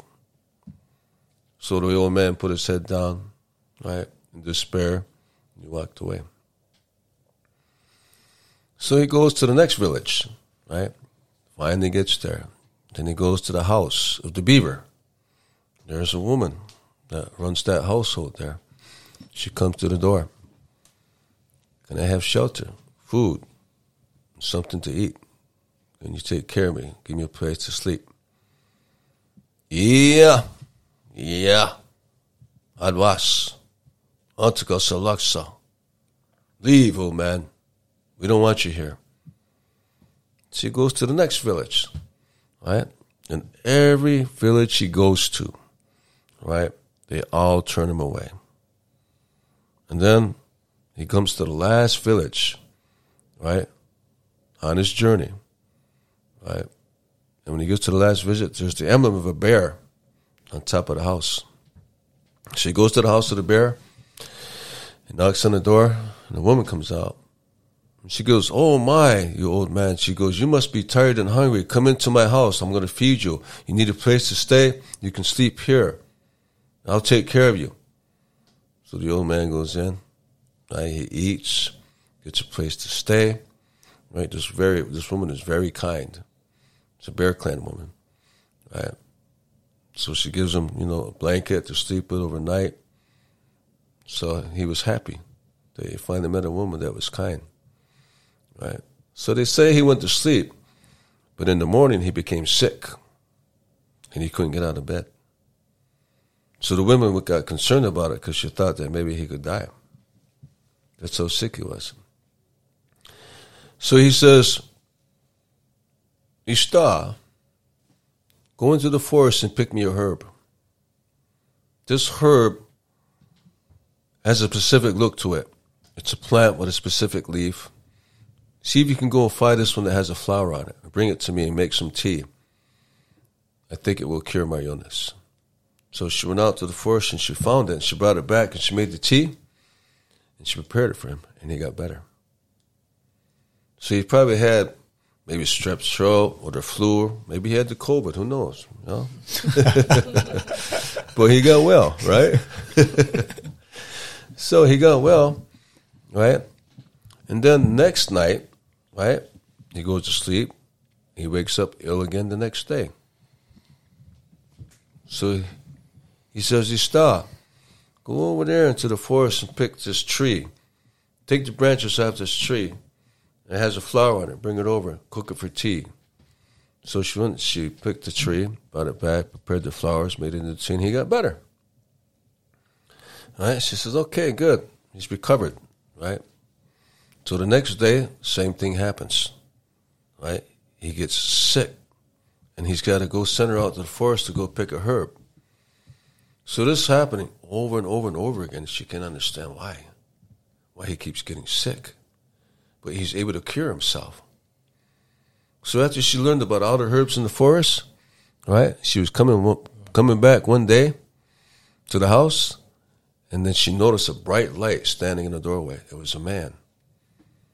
But she couldn't see his face because his face was shining like the sun. It was the Creator. It was God standing in front of her. And she fell to the ground. And he says, Do not fear me, for I was disguised as an old man. I came to you to ask for help, and all these villagers, they turned me away. There wasn't one act of kindness with these people. But you, because you opened up your heart and you gave me an act of kindness, I came here to bless you. And to let you know that in the future, your people will ever be known as the people of the medicine. Because I taught you to, to know all the medicines that were in the forest. This is what you will cure your people with. Take this with you, for I am the Creator, and you are now blessed. That was the end of the story.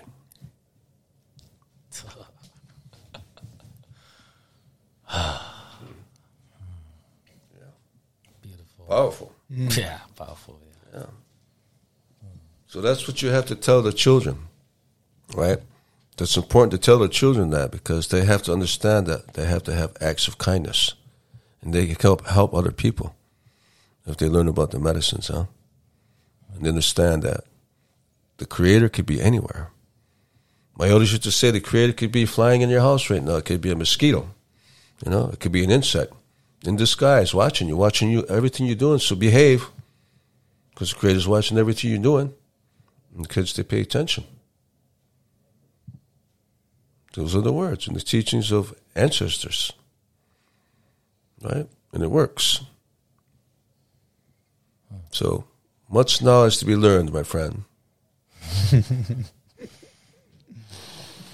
It's, it's tempting to ask for another story, but oh man, Thanks, Jeremiah. Okay, nada. I wanted to ask Con you. gusto. Yeah.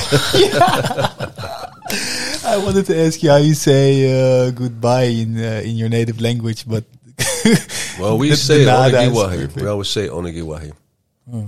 That means until I meet you again, there is no goodbye. nice. Uh, it's just until I can, meet you can you repeat it again? Onigiwahi. Oniguwahi. Oni- Yeah. Onigiwai. Yeah. And then, you know, you understand Ganada, right? So Spanish, right? Uh, merci beaucoup. Well, you understand French too, right? Uh, Uh, that, that's more, that's more American. Merci beaucoup. how do they say it in French? Merci. Yeah, I'm not going to try. No.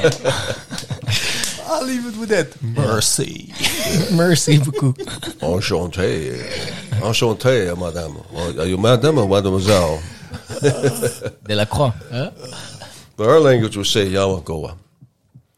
Yamagoa is thank you very much. And then when we say welcome, we say yo. Like they, you know how they say yo in Brooklyn and New York City? Yo. Uh, hey, yo. We say the same thing. We say yo when we say you're welcome. It probably started from us. Maybe it's a Dutch word. I don't know. I don't know. we got Dutch Yo. language going through, you know. Yo. Joop.